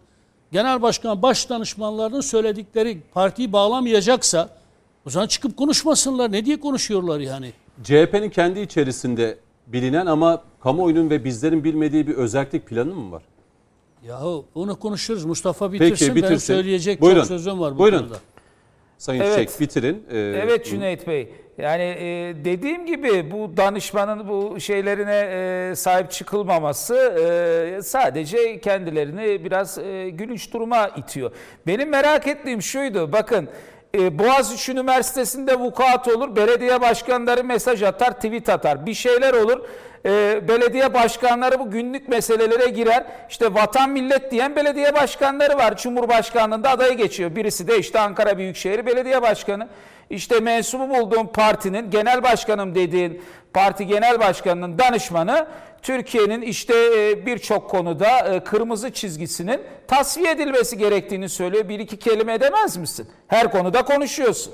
Ama burada kazanç nedir? Konuşmamak, kendini hiçbir şekilde belli etmemek, gündeme getirmemek bu şekilde siyasetlerini yürütme vaziyetidir. Yani burada şunu görmesi lazım tabii milletimizin. Ee, Cumhuriyet Halk Partisi'nde artık HDP'nin etkisinin net olduğu ortada. Ben bunu daha önce de müteahhit kereler söyledim. Kemal Kılıçdaroğlu'ndan sonra Cumhuriyet Halk Partisi'nin genel başkanının belirlenmesi noktasında HDP'nin çok büyük etkisi olacak. Ben TV Net'te söyledim. Muharrem İnce'nin Cumhurbaşkanlığı seçimi akşamı Aykut Erdoğdu'nun odasında Özgür Özel'in de bulunduğu esnada Muharrem İnce %30'u geçtiği zaman moral bozukluğuna e, uğramış bir Özgür Özel sandalyesinden dahi kalkamayan bir Özgür Özel HDP %10'u geçtiği zaman da kendisine piyangodan büyük ikramiye çıkmış gibi havalara zıplayan bir Özgür Özel. Ben bunu iki yıldır söylüyorum. Bir kere çıkıp yalanlama gereği duymadı. Neden yalanlasın? HDP'ye sempatik görünüyor bu yaklaşımıyla. Diğer tarafta Özkan Salıcı. İşte delegelere sahip olması bakımından bugün Güneydoğu ve Doğu Anadolu'da 10-15 tane il kayyumla yönetiliyor. Kayyumu partiden atmışsın, ihraç etmişsin. O kişi daha sonra kayyum olarak il başkanı yapmışsın. Ve delegelerin hemen hemen birçoğu hiçbir şekilde CHP'nin önünden bile geçmemiş. Siz 300-350 tane potansiyel delegenin oyunu e, bir torbada alacaksınız. E, baktığınız zaman HDP'ye potansiyel olarak genel başkan olmak isteyen isimlerde hiçbir şekilde karşı bir davranış sergilemiyor. Çünkü onlara ihtiyaçları olacak. O delegeler üzerindeki inisiyatife ihtiyaçları olacak. Ha geçtik onu. İşte, işte HDP ile teması sağlayan bir Canan Kaftancıoğlu var. Ben her zaman söyledim Canan Kaftancıoğlu'na işte genel merkezde memnuniyetsizlik varmış. MHK istemiyormuş. Yargıtay onama kararı verdi. Siyasi yasaklı hale geldi. 7-8 aydır hala İstanbul İl Başkanlığı fiilen yürütüyor. Hiçbir güç çekil diyemiyor kendisine. Neden diyemiyor? HDP onun orada durmasını istiyor. Sezgin Tanrıkulu her şeyi söylüyor. Çıkıyor diyor ki, ki Türk ordusu kimyasal silah kullanıyor. Sezgin Tanrıkulu Cumhuriyet Halk Partisi'nde her şeyi söylemeye serbest bir isim. Bir disiplin konuşturması mı görüyor? HDP Kılıçdaroğlu'nu mı görüyor? HDP Hiçbir şey görmüyor. Kılıçdaroğlu'nu tüm partilerden daha çok istiyor ve CHP içerisinden şu an ittifak E, kurulmamış Cüneyt olsa da HDP e, CHP içerisinde ciddi anlamda güçlenmiş durumda. Onu anlıyorum. Peki bir virgül koyacağım. E Tabii yeni gelen danışman, yeni, yeni gelen danışman son söz olarak şunu söylüyorum. Yeni gelen danışman aynı minvalde hareket eden bir isim ve bakın görün Şırnak'tan birinci sıradan milletvekili adayı konulacak. Peki. Peki. Şimdi döneyim. Ee, yani dediğiniz doğru. Yani CHP kurumsal olarak böyle bir şeyi söylemedi, ifade etmedi. Bizi bağlamaz. Şahsın kendi görüşüdür deyip e, CHP işin içinden çıkar mı? Ya da CHP'nin aslında bildiği, kamuoyunun ya da bizlerin bilmediği CHP ile HDP arasında söz kesilmiş bir özellik planı mı var? Vallahi ben bu, bu CHP'nin neye benzediğini bir türlü tespit edemiyorum. yani neresinden tutacağını bilmiyorsun. Analiz etmek için bir siyaset bilimci olarak, bir siyasetçi olarak analiz etmek için neresinden tutacağını kestiremiyorsun. Onun için bakınız Nuş- yanar Mehmet abi. Nuşirevan, Nuşirevan elçiyi biz tanırız. Adamın bir ilkesi var, bir duruşu var. PKK'lı değildir. PKK'lı değildir. Barzani yanlısıdır. Türkiye'de Kürt siyasetin içinde bulunmuş entelektüel bir insandır. Kabul edersiniz etmezsiniz. Kendi ilkesel bir tutarlı vardır. Kendi görüşünü de CHP içinde savunacak kadar da bence tutarlı bir insandır. Onu bir tarafa bırakıyorum. Ama bakınız Nuşirevan'ın söylediği sözleri demek ki kimse okumadı ya. Özellik istedi. Ya CHP'nin özellik istemesinde bir sorun yok. Bakınız o o söyleşiyi merak ediyorum. Yani kaç kişi okudu acaba? Rudav televizyonuna verdiği söyleşi. Böyle medyaya yansıyan başlıklar üzerinden özellik Aslında istedi. pek çok şey söylendi ama oradan Bak- iki cümle Ba- Bakın alındı. Kürtler için özellik diyor. Rodav televizyonu soruyor.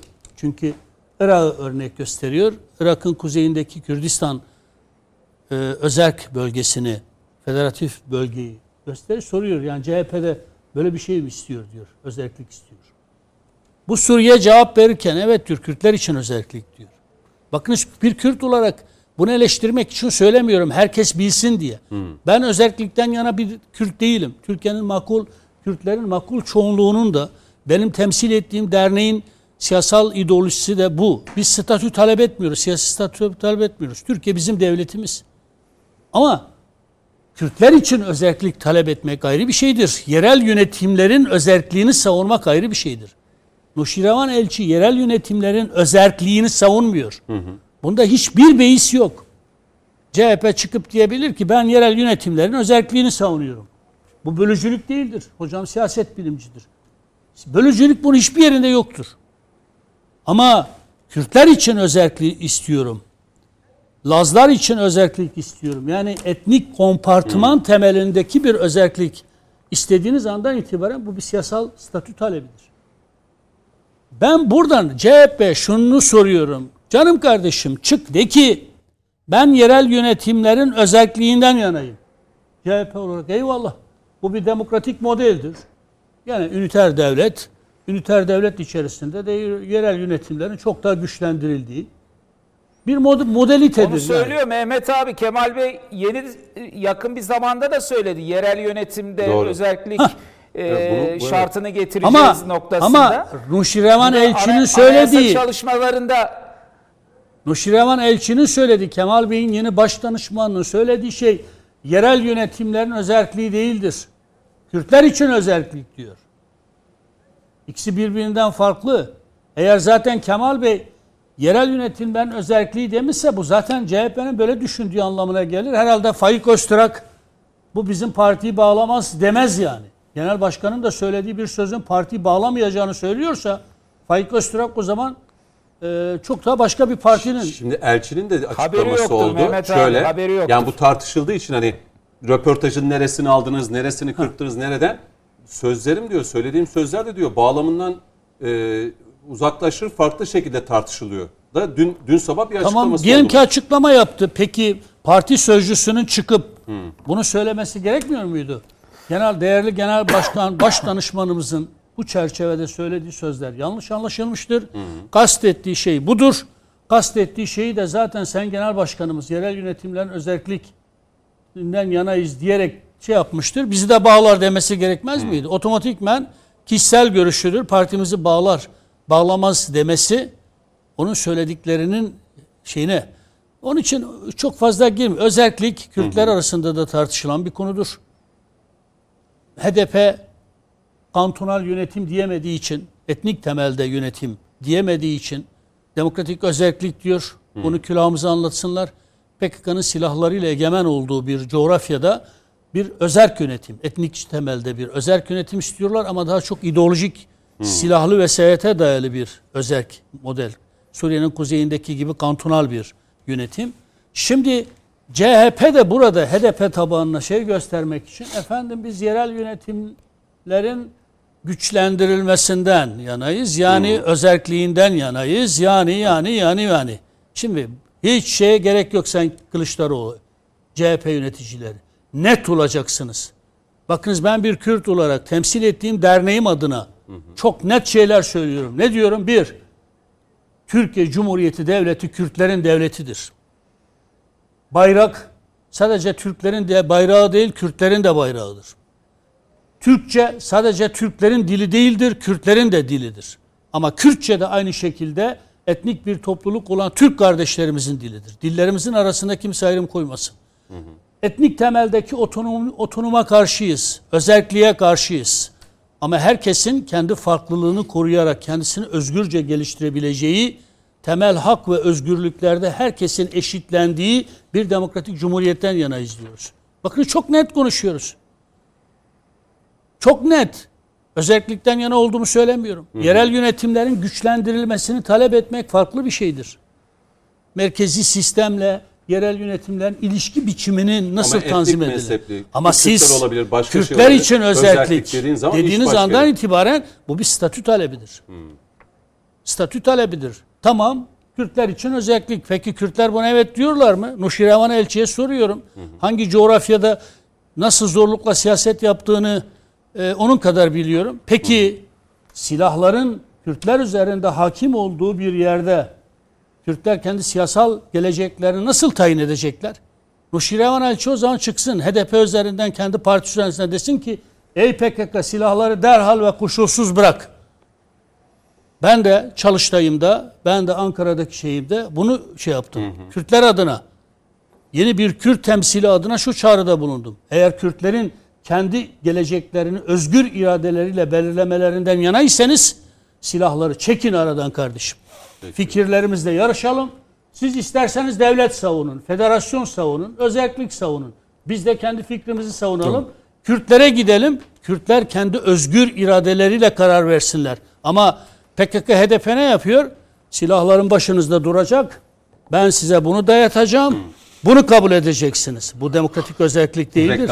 Bu başka bir tasalluttur. Peki. Bu kabul edilemez. İlk reklam arasına gidiyorum. Ee, 7-8 dakikalık aranın ardından bu başlık üzerinden Mehmet Yalçın Yılmaz ve Coşkun Başbuğ'un da görüşlerini alacağız.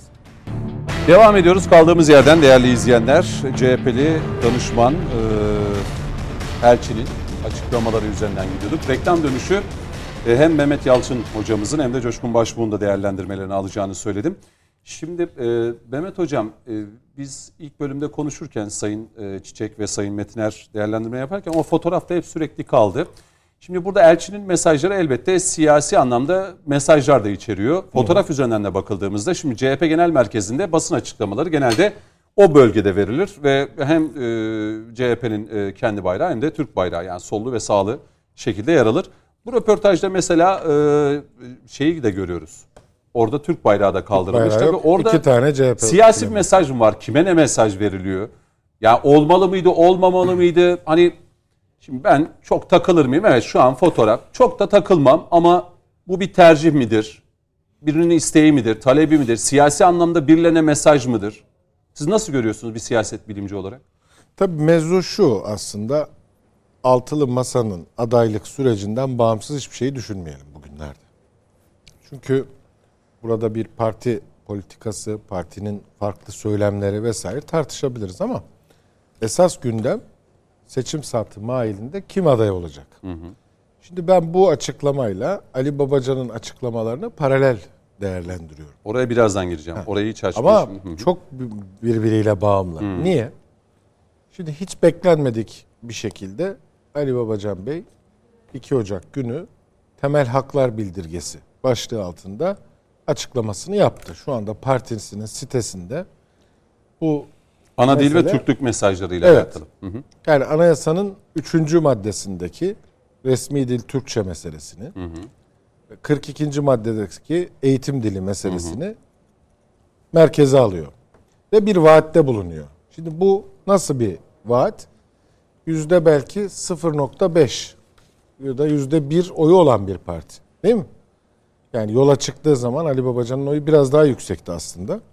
Masaya girdikten sonra oyları daha da düştü. Anketlerin yalancısıyız. Birçok ankete baktığımız zaman çok küçük bir oyu var. Ama çok büyük bir şey vaat ediyor. Yani bir anayasal değişiklikle ancak yapabileceğiniz değiştirilmesi teklif edilemez üçüncü maddeyi de hedef alıyor aslında. Ve bir eğitim dili meselesine giriyor. Yani ana dilde eğitim. İnsanların ana dilinde eğitim alması meselesine giriyor. Bu büyük, büyük bir anayasal e, güç gerektirir. O halde Ali Babacan'la işte Nuşire Van Elçi'nin konuşmasını bu bağlamda değerlendirelim. Bu kitleler bu iki söylemde aslında HDP'yi çantada keklik görmek isteyen. Kürtleri böyle bir şeyler vaat edeyim de ben kandırayım diyen bir dil aslında. Bunların gerçekleşme ihtimali var mı? Yok. Şu anki konjonktürde zor. Mümkün değil yani. Bakın çok gerçekçi konuşalım. yani. Cumhuriyet Halk Partisi istediği kadar e, yüzde 40 oy alsın, yüzde 45 oy alsın. Bu adımları atmaz, atamaz yani. Ama seçim öncesi Türkiye'de bol keseden anahtar dağıtmak gibi böyle vaatlerde bulunmak biraz kolay oldu. Yani yüzde bir oy alan bir- bir partinin söyledikleri ya da işte yüzde 23-25 oy alan bir partinin danışmanının söylediklerini hemen parti sözcüsü ne yapıyor? Örtüyor. E, Ve diyor ki bu bizi bağlamaz. Kurumsal bir Mehmet Hocam bir değildir. soru sorabilir miyim size? Buyurun. Buyurun Kemal. Şimdi Mehmet Hocam e, önemli bir meseleden e, bahsetti. Ali Babacan'ın partisinin bu kadar radikal açıklamalar yapmasının altında yatan nedir noktasında. E, Geçen haftaydı zannedersem e, AK Parti sözcüsü Ömer Çelik e, basın toplantısı düzenlediğinde e, işte bu Deva Partisi'nin açıklamaları yönünde de bir değerlendirme yaptı. Biz hükümette işte bu çalışmaları yaparken ki belki Mehmet abi de bu konuda katkıda bulunacaktır. Aynen şunu söyledi. Bütün çetrefilli konularda bu kadar ciddi meseleler görüşüldüğü zaman hiçbir zaman orada olmadılar. Hiçbir zaman ellerini taşın altına koymadılar. İlgilenmediler bile e, demişti AK Parti içerisinde bulundukları sürede.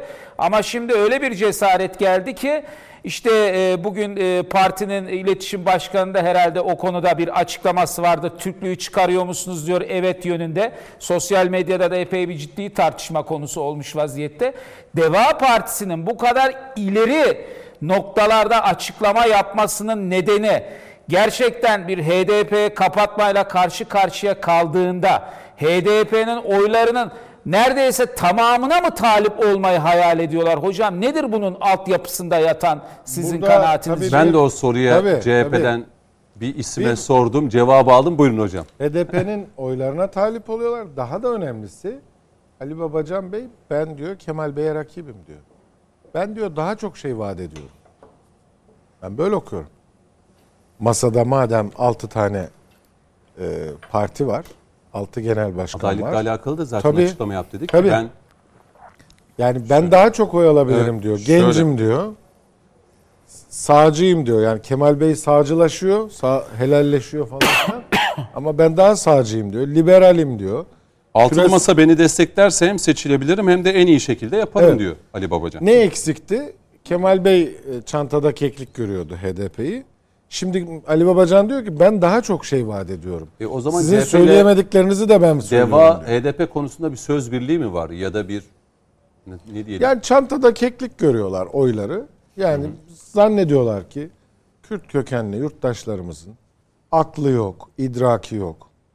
Bu şeyde, bu masadaki pazarlıkta e, oylarını blok olarak vereceklerini düşünüyorlar. Oysa bizim yurttaşımızın aklı var, fikri var, izahı Ali. Babacan'ı ve Deva'yı bir tarafa- menfaatlerini düşünür. Biz Kürtlerin oyları çantada keklik değil. Evet. Hiçbir partinin malı da değiliz. Ben kendi Kürtlerimiz adına konuşuyorum. Artık utanıyoruz, sıkılıyoruz bizim üzerimizden birilerinin siyaset simsarlığı yapmasından da, mühendisliği yapmasından da. Herkesten daha fazla Kürdüz ama herkesten daha fazla da bu devlete ve ülkeye aidiyet ve sa- sadakat bağımız vardır. Biz Erdoğan gibi Kürtlerin sorununu çözen, Kürtlerin e, taleplerini karşılayan bir lider varken Kürtlerin Erdoğan düşmanlığına savrulmasını CHP üzerinden CHP nesle tepne kılınarak Erdoğan gibi Kürt dostu, Kürt hamisi bir insanın düşmanlaştırılmasını Kürtlüğe yapılan bir ihanet olarak değerlendiriyoruz. Biz Demokrasi ve Birlik Derneği olarak sırf bu gerçekliği, ihaneti anlatmak için Türkiye'nin her yerinde, Türkiye yüzyılında Kürtler, yani Kaldı yeni ki- Türkiye'nin bakınız Tabii. hocam yeni Türkiye'de değişimin öncüsü olması gereken Kürtlerin kendi kimliğini inkar eden, asimile eden, zorbalıkla kendisine hükmedilen eski Türkiye'nin muhafızı kılınmak istenmesine itiraz ediyoruz. Biz Kürtler git Türkiye yüzyılını birlikte inşa edeceğiz. Böyle bir değişimin öncüleriyiz biz efendim. Eski Türkiye'yi Kürtler üzerinden kuracaklar. HDP, CHP, DEVA, Geç bunları. Bu, bu vaatlerin hiçbirisinin Kürtlerle bir alakası yok. Evet. Bakınız ben birazdan değineceğim. Kürtlerin menfaatine de değil. Zaten Biz, burada Bizim talep ettiklerimiz de bunların siyasallaştırıp önümüze koyduğu şeyler farklı şeyler. Buyurun Mehmet hocam. Kürt, Kürt yurttaşlarımızın menfaatine değil mesela Ali Babacan'ın talepleri. Ali Babacan'ı belki birazdan açacağım Evet. o başlığı ama Burada CHP'nin tavrı, olarak tutumu. CHP burada İzmir'de başka şeyler söylüyor. Çok net. Ama böyle Rudava bir beyanat verirken HDP seçmenine, tabanına hitap ederken başka şeyler söylüyor. Ya buna siyasette biz iki yüzlük diyoruz. yani elçinin açıklaması tamamıyla CHP tabanına değil, tamamıyla Değil. HDP. Dışarıya dönük, HDP tabanına dönük, güvenceler veren. Yani orada Sezgin Bey zaten o çıkışları yapıyor. Ya da Gürsel Bey zaman zaman. Yani siz merak etmeyin diyor. Oylarınızı verin yeter ki ben sizin diyor haklarınızı Bakanlık koruyacağım diyor. Fakat aynı açıklamaları Edirne'de, Çanakkale'de, İzmir'de yapamayan bir CHP var. Zaten siyasi etik bunu şey kılıyor zaten. Açık ediyor yani. Bir de günümüzde medya artık şeffaflık her her yaptığınız duyuluyor. Her konuştuğunuz değil mi? Basına yansıyor. Bir şekilde karşınıza çıkıyor. Dolayısıyla seçmenle alay etmek, yurttaşla dalga geçmek artık eskisi gibi kolay değil. 80'lerde 70'lerde bu işler daha kolaydı belki. İki anahtar tutuyordunuz. Seçmenden o istiyordunuz. Ama bugün söylediklerinizin bir karşılığı var mı? Bunu yapabilecek misiniz? Bu mümkün mü?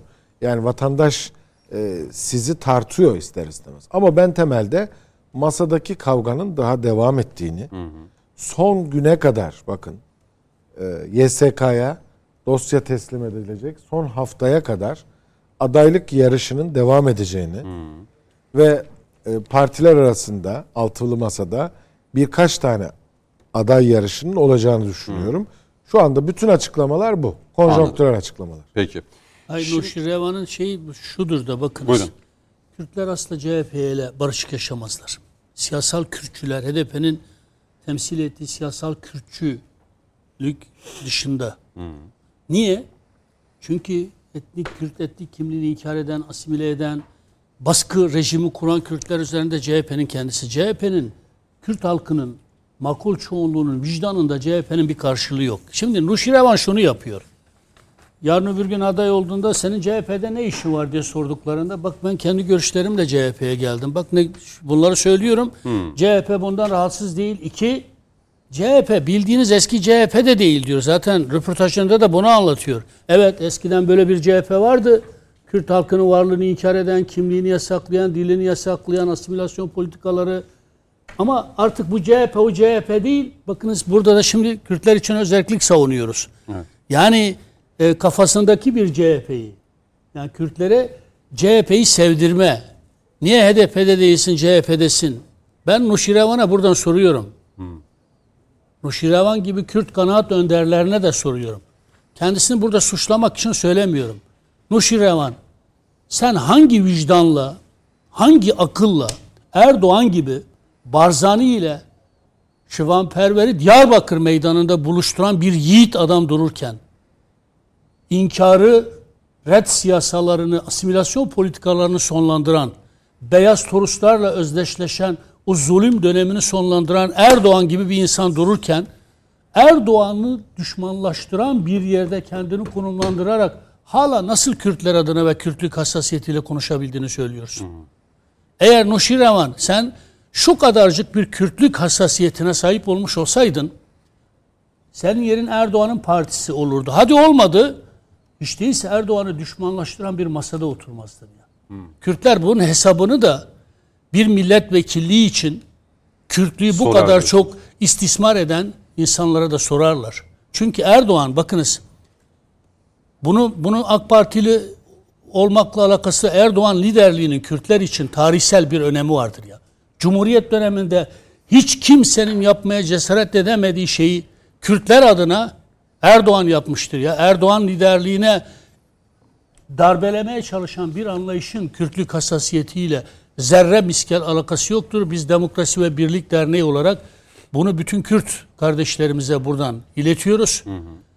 İhanet ediyorlar. Kürtlere, Kürtlüğe ihanet ediyorlar. Erdoğan'a düşmanlık Kürtlüğe, Kürt hassasiyetine ihanetin diğer adıdır. Bunu da deşifre etmek lazım. Peki. Şimdi Coşkun Başbuğ'a dönmeden önce e, bu Deva Partisi ve Ali Babacan'ın açıklamaları ki e, Mustafa Kemal Çiçek de az önce bahsetti. E, Deva Partisi'nin kurumsal iletişim ve tanıtım başkanı Sanem Oktar da bir açıklama yaptı. Yani anayasadan Türklüğü çıkarıyor musunuz şeklinde bir soru yöneltildi. E, doğru. Evet dedi yani böyle bir çalışmamız var dedi. Aynen şunu söylüyor. Eee Evet denilmeyecek. Ha, tür, e, öyleyse anayasada artık Türkiye'ye vatandaşlık bağıyla bağlı herkes Türktür denilmeyecek. Doğru mu anlıyorum? Evet denilmeyecek. Anayasanın 66. maddesindeki değişikliği şöyle öneriyoruz. Türkiye Cumhuriyeti vatandaşlığı ile ilgili esaslar din, dil, etnik köken, mezhep ve benzeri farklılıklar gözetilmeksizin kanunla düzenlenir diyoruz. Yani o maddeyi bu şekilde değiştiriyoruz. Biliyorsunuz mevcut maddede Türk anne babadan doğma gibi kurallar var. Biz onun yerine bunu öneriyoruz. Şimdi Yanlış biliyor. O mülga cümledir. Mustafa Kemal sen de biliyorsun. Türk anne ve babadan doğan Türktür ibaresi eski anayasada yer alan ama bizim iktidarımız döneminde değiştirilen mülga cümle, mülga edilmiş bir cümle hala onun farkında değil. 66. madde okuyayım mı? 66. maddede şu Tamam. an öyle bir ibare yok çünkü mülga edildi.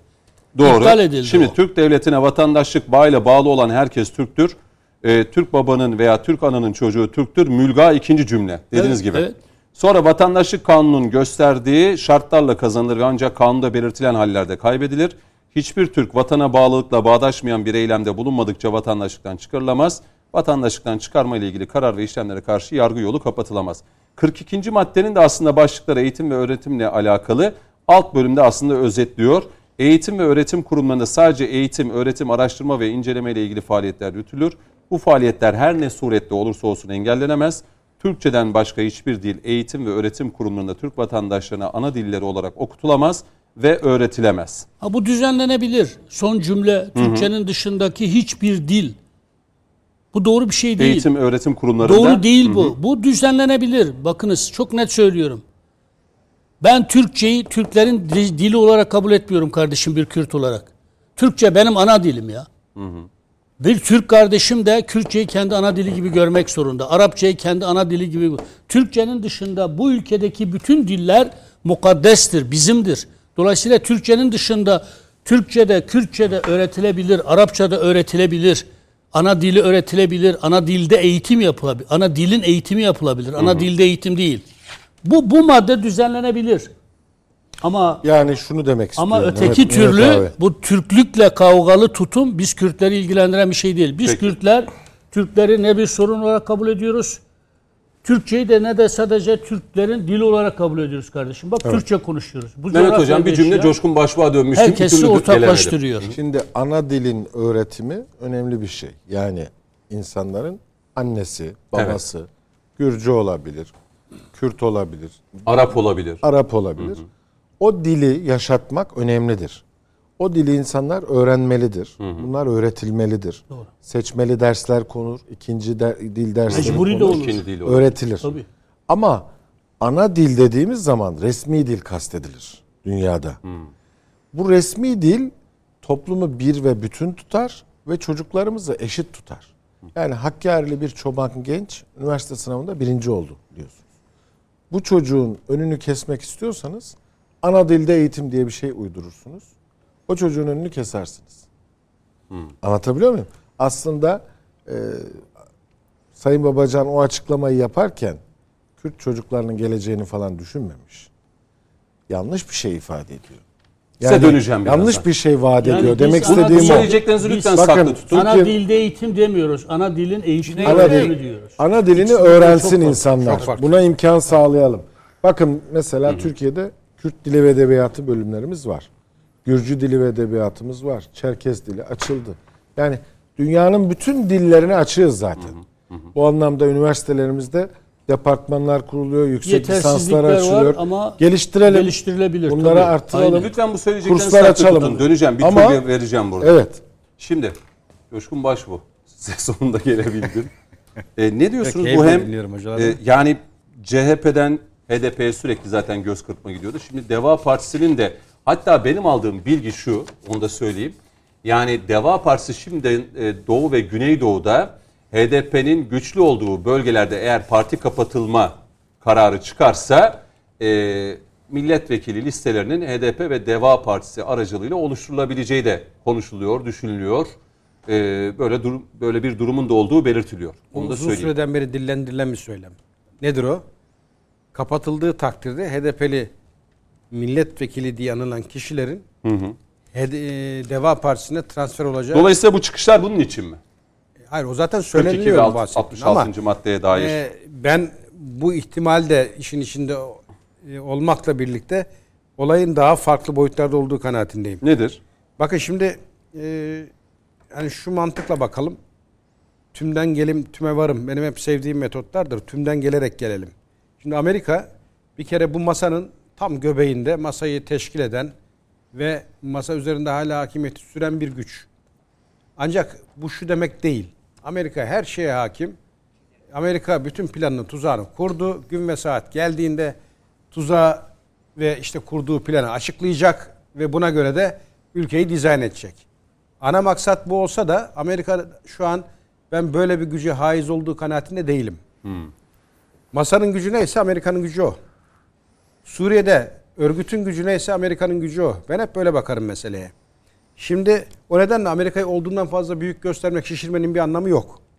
Amerika'da şu an ülkede tansiyonu ölçüyor, biçiyor. Bir takım siyasi atraksiyonlar yapıyor masa üzerinden. Zaman zaman İmamoğlu'nu sahneye sürüyor. Olmadı karşılığı yok, geri çekiyor. Kılıçdaroğlu bir deneyin diyor ya. Bir onu deniyor. Karşılığı yoksa bu sefer Ali Babacan'ı devreye sürüyor ki Ali Babacan'ın dün mü bugün mü Birkaç gündür sürekli açıklamaları var. adayım ben diyor ve başarıyla da yürütürüm diyor. Ha şaşırmam. Ki E ben Son hamleler bu yani çünkü E zaten işte masadaki bak, diğer yani Davutoğlu'ndan da belki önümüzdeki günlerde çıkışlar göreceğiz. bir arayış söz konusu. Bu arayışta e, bu çıkışlar Ali Babacan'ın kendi iradesiyle yaptığı çıkışlar mı yoksa dışarıdan enjekte edilen bir söylem mi? Bunu iyi anlamak lazım. Ben asla kendi hür iradesiyle değil e, masada o bahsettiğim güçlerin bir takım atraksiyonları sonucu söylenen sözler olduğu kanaatindeyim.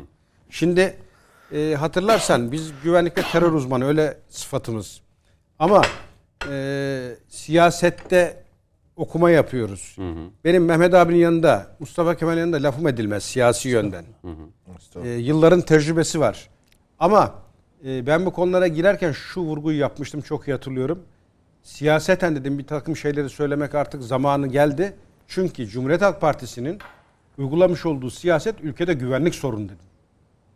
Dolayısıyla bu güvenlik sorununa birkaç cümle kurmakta bize düşer diye ilk meseleye girmiştik. Ben şimdi bu cümleyi genişletiyorum. Yedili masanın söylemi ülkenin artık güvenlik sorunu haline gelmeye başladı. Bakın o e, Nuşirvan'ın söylemediği söylem. Nuşrevan. Söylemiş olduğu söylem. Doğrudan maksadı, niyeti çok net bir söylem. Şimdi sen böyle bir söyleme şunu beklersin. Kendisini cumhuriyetçi, halkçı, devletçi, inkılapçı, milliyetçi, laik olarak konumlandıran Altoka e, Altoka sahibim diyen bir parti anında ayağa kalkması lazım ortalığı.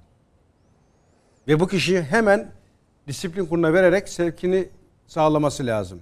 Ve kamuoyu önüne çıkıp bu asla bizim partimizin görüşü değildir.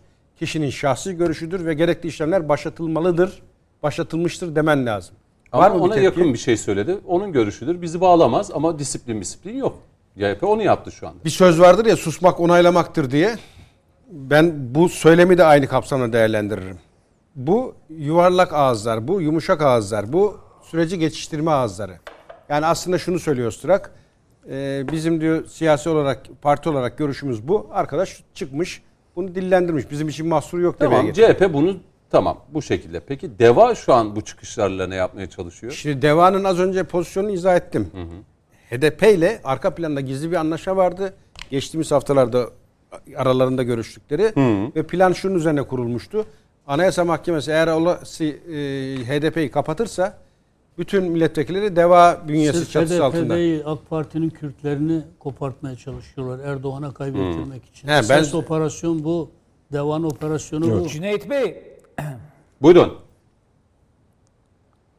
Coşkun abiye ekleme yapmak açısından söylüyorum. Bakın e, 2013-2016 arasında Anayasa Uzlaşma Komisyonu mecliste dört partinin iştirakıyla teşekkül eden Anayasa Uzlaşma Komisyonu'nda esaslı olarak anlaşılamayan maddeler vardı. İşte 42 eğitim maddesi, 66 vatandaşlık maddesi, 127 yerel yönetimlerde özellik yani ana başlıkta koyacak olursak. Orada BDP'nin önerisi şuydu bakın vatandaşlıkla ilgili.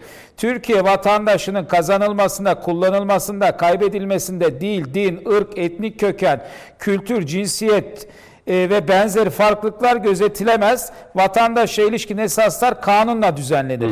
Bugün bugün Deva Partisi'nin önerisi nedir? Deva Partisi'nin ö- getirdiği öneri Tıpkısının Türkiye aynısı. Cumhuriyeti vatandaşla ilgili esaslar dil, dil, etnik köken, mezhep ve benzeri farklar gözetilmeksizin kanunla düzenlenir. Aynı teklifi getiriyorlar. HDP e, o zaman BDP'ydi. Şimdi HDP işte 2015-16'da mecliste komisyona getirdiği teklifi bugün Deva Partisi dile getiriyor. Bunu da gözden kaçırmamak lazım. Yani birliğin, beraberliğin ne noktaya vardığını tabi burada HDP ne kadar bunun yanında burada devam yaranmak istiyor. Ben Mehmet abiye katılıyorum. Burada esas olan AK Parti'ye oy veren Kürt vatandaşlarımızdır. Çünkü AK Parti Kürt vatandaşlarından HDP'den çok çok kat ve kat daha fazlasını alıyor. E, zaten e, elde ettikleri bir netice yok. AK Parti'den bir şey koparamadılar. Yine bu şekilde bir çalışmanın içerisinde oldukları görünüyor. Yani e, AK Parti'nin. AK Parti'nin içine yönelik bir hamle bu. Bakın Bunu çok Babacan mı yapıyor? tabii ki Babacan yapıyor. Bakın çok net söylüyorum. Hep, hep, Kurucular kurulundan da belli hep zaten. HDP partisi. için Öcalan'ın partisi demiyorlar mı? Burada Öcalan'ı savunmak savunmamak adına söylemiyorum. Bakınız Türk vatandaşlığı tabirine itiraz etmeyen tek kişi Öcalan'ın kendisidir. Lütfen okusunlar. Eğer Öcalan'ın partisi ise eğer Öcalan izinden gidiyorlarsa Öcalan'ın söylediği şey şudur. Atatürk milliyetçiliği bahsinde kelimesi kelimesini aktarıyorum. Atatürk milliyetçiliği diyor. Ahmet Taner Kışlan'ın da dediği gibi kültürel bir milliyetçiliktir, etnik bir milliyetçilik değildir. Buradaki Türk vatandaşlığı tanımındaki şey de anayasal vatandaşlık tanımıdır diyor. Dolayısıyla Kürt etnik kimliğinin kabul edilmesi halinde biz Türk vatandaşlığı deyimine itiraz etmeyiz diyor. Böyle bir itirazımız yok. Öcalan gibi bir terör örgütünün lideri bile Türk vatandaşlığı tanımına bu şekilde itirazların olmadığını söylerken HDP'nin başka bir öneri getirmesi, DEVA'nın Öcalan'dan daha fazla Kürt hassasiyeti sözüm ona gösteriyor olması manidar değil midir? Bakınız burada tehlikeli bir oyun oynanıyor. Tehlikeli. Bakınız Nasıl mesela AK Parti'ye oy veren e, Kürt vatandaşlarımız ne küstürmek mi çekmek nedir? Tabii. işte bakınız şey diyecek AK Parti MHP'leşti. MHP ile olan ittifakından dolayı artık ağzına Kürt kelimesini bile almıyor. Kürtlerin talepleri karşısında duyarsız. Kürtlerin en tabi taleplerinden biri de ana dillerinde eğitimdir. Ki AK Parti olarak biz ana dilin eğitimine, öğretimine zinhar karşı değiliz. Bu ülkenin bütün dillerini kendimizden biliyoruz yani. Biz birlikte Türkiye izleyen bir partiyiz. Bir yanda AK Parti'nin Kürtlerini AK Parti'den kopartmak, bir yandan da AK Parti'ye yeniden akabilecek olan Kürt oylarının önünü kesmek. Bu bir operasyondur. Onun için bizim derneğimizin şey yaptığı şey bu. Bakınız. Sizin yükünüz daha da artacak. Yani Kürtlerin lideri ben burada bir Kürt olarak gururla söylüyorum. Karşıma hangi babayı çıkıyorsa çıksın Kürtler adına, Kürtlük adına kim çıkıyorsa çıksın gelsin tartışalım. Kim ki Erdoğan'a düşmanlık yapıyorsa ben onun Kürtlüğünden, Kürt hassasiyetinden kuşku duyarım. Bir Kürt ideolojik nedenlerle, siyasi nedenlerle Erdoğan düşmanlığı yapabilir. Bunu anlayabilirim. Ama Kürtlük hassasiyeti içinde olduğunu söyleyerek Erdoğan'a düşmanlık yapıyorsa CHP'den yanaysa, HDP'den yanaysa orada dur derim kardeşim. Erdoğan Kürtleri varlığını inkar eden bir lider değil. Dilini yasaklayan bir lider değil. İnkarı, asimilasyonu dayatan bir lider değil. Bütün bunları sonlandıran bir liderken sen sen nasıl oluyor da bütün bu inkarı, reddi, asimilasyonu yapan bir partiye gidip Erdoğan düşmanlığı yapıyorsun da onun için bakınız Deva'nın yapmaya çalıştığı şey HDP'den oy kapma falan değil. Onlar biliyorlar HDP'den oy kapamayacaklarını. Arka planda başka Esas bir. AK Parti'nin içine yönelik bir hamle yapıyorlar ve parti sözcümüz Ömer Çelik'in de dediği gibi dedim her tarafa iyice bak.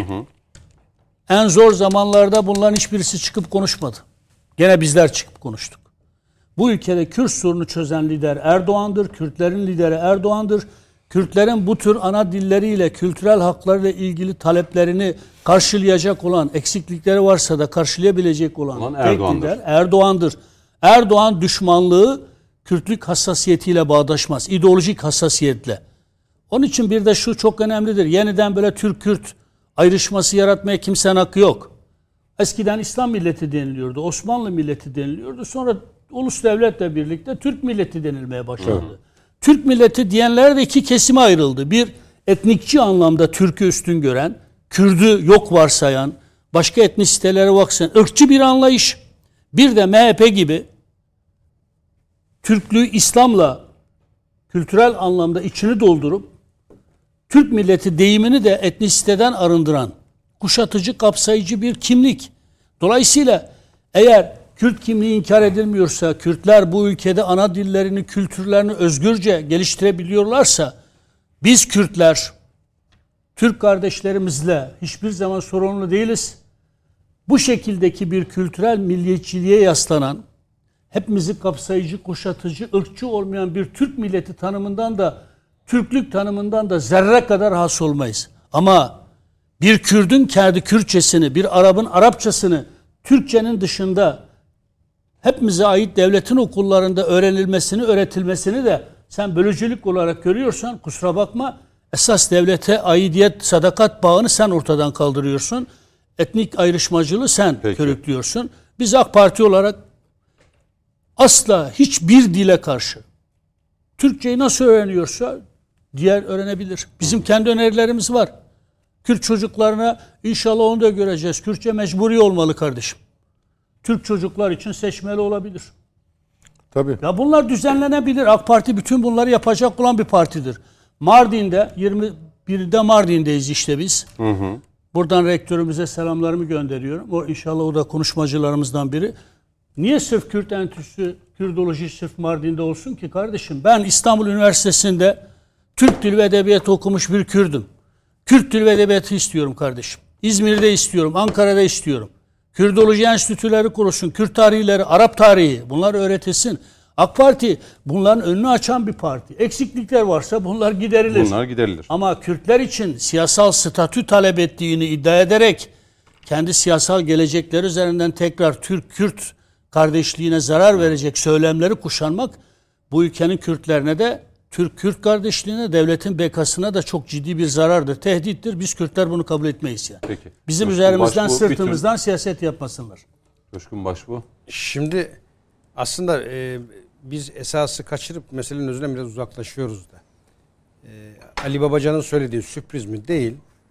Bir de Ali Babacan'ın çıkışına bakalım diyor ki ben diyor yaparım diyor her şeyi. Beni hani Hayır. biraz da o tarafa bakalım bir. İşte- Ali Babacan Ya bozmak niye yaptı? noktasında her şey yapar yani doğru. Masa her türlü olaya gebe onu söyleyeyim. E, ve hiçbiri sürpriz olmamalı. Dışarıdan bir aday veya içeriden birinin lanse edilmesi vesaire. Şimdi e, esastan uzaklaşıyoruz dememdeki kasıt şu. İki tane terör örgütü Türkiye'nin başına bela olan. Birisi PKK, diğeri FETÖ.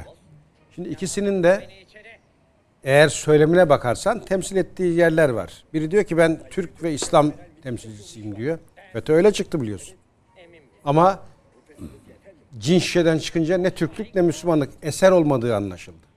PKK'nın söylemine biz Kürt temsilcisiyiz. Kürtleri temsil ediyoruz diye çıktı.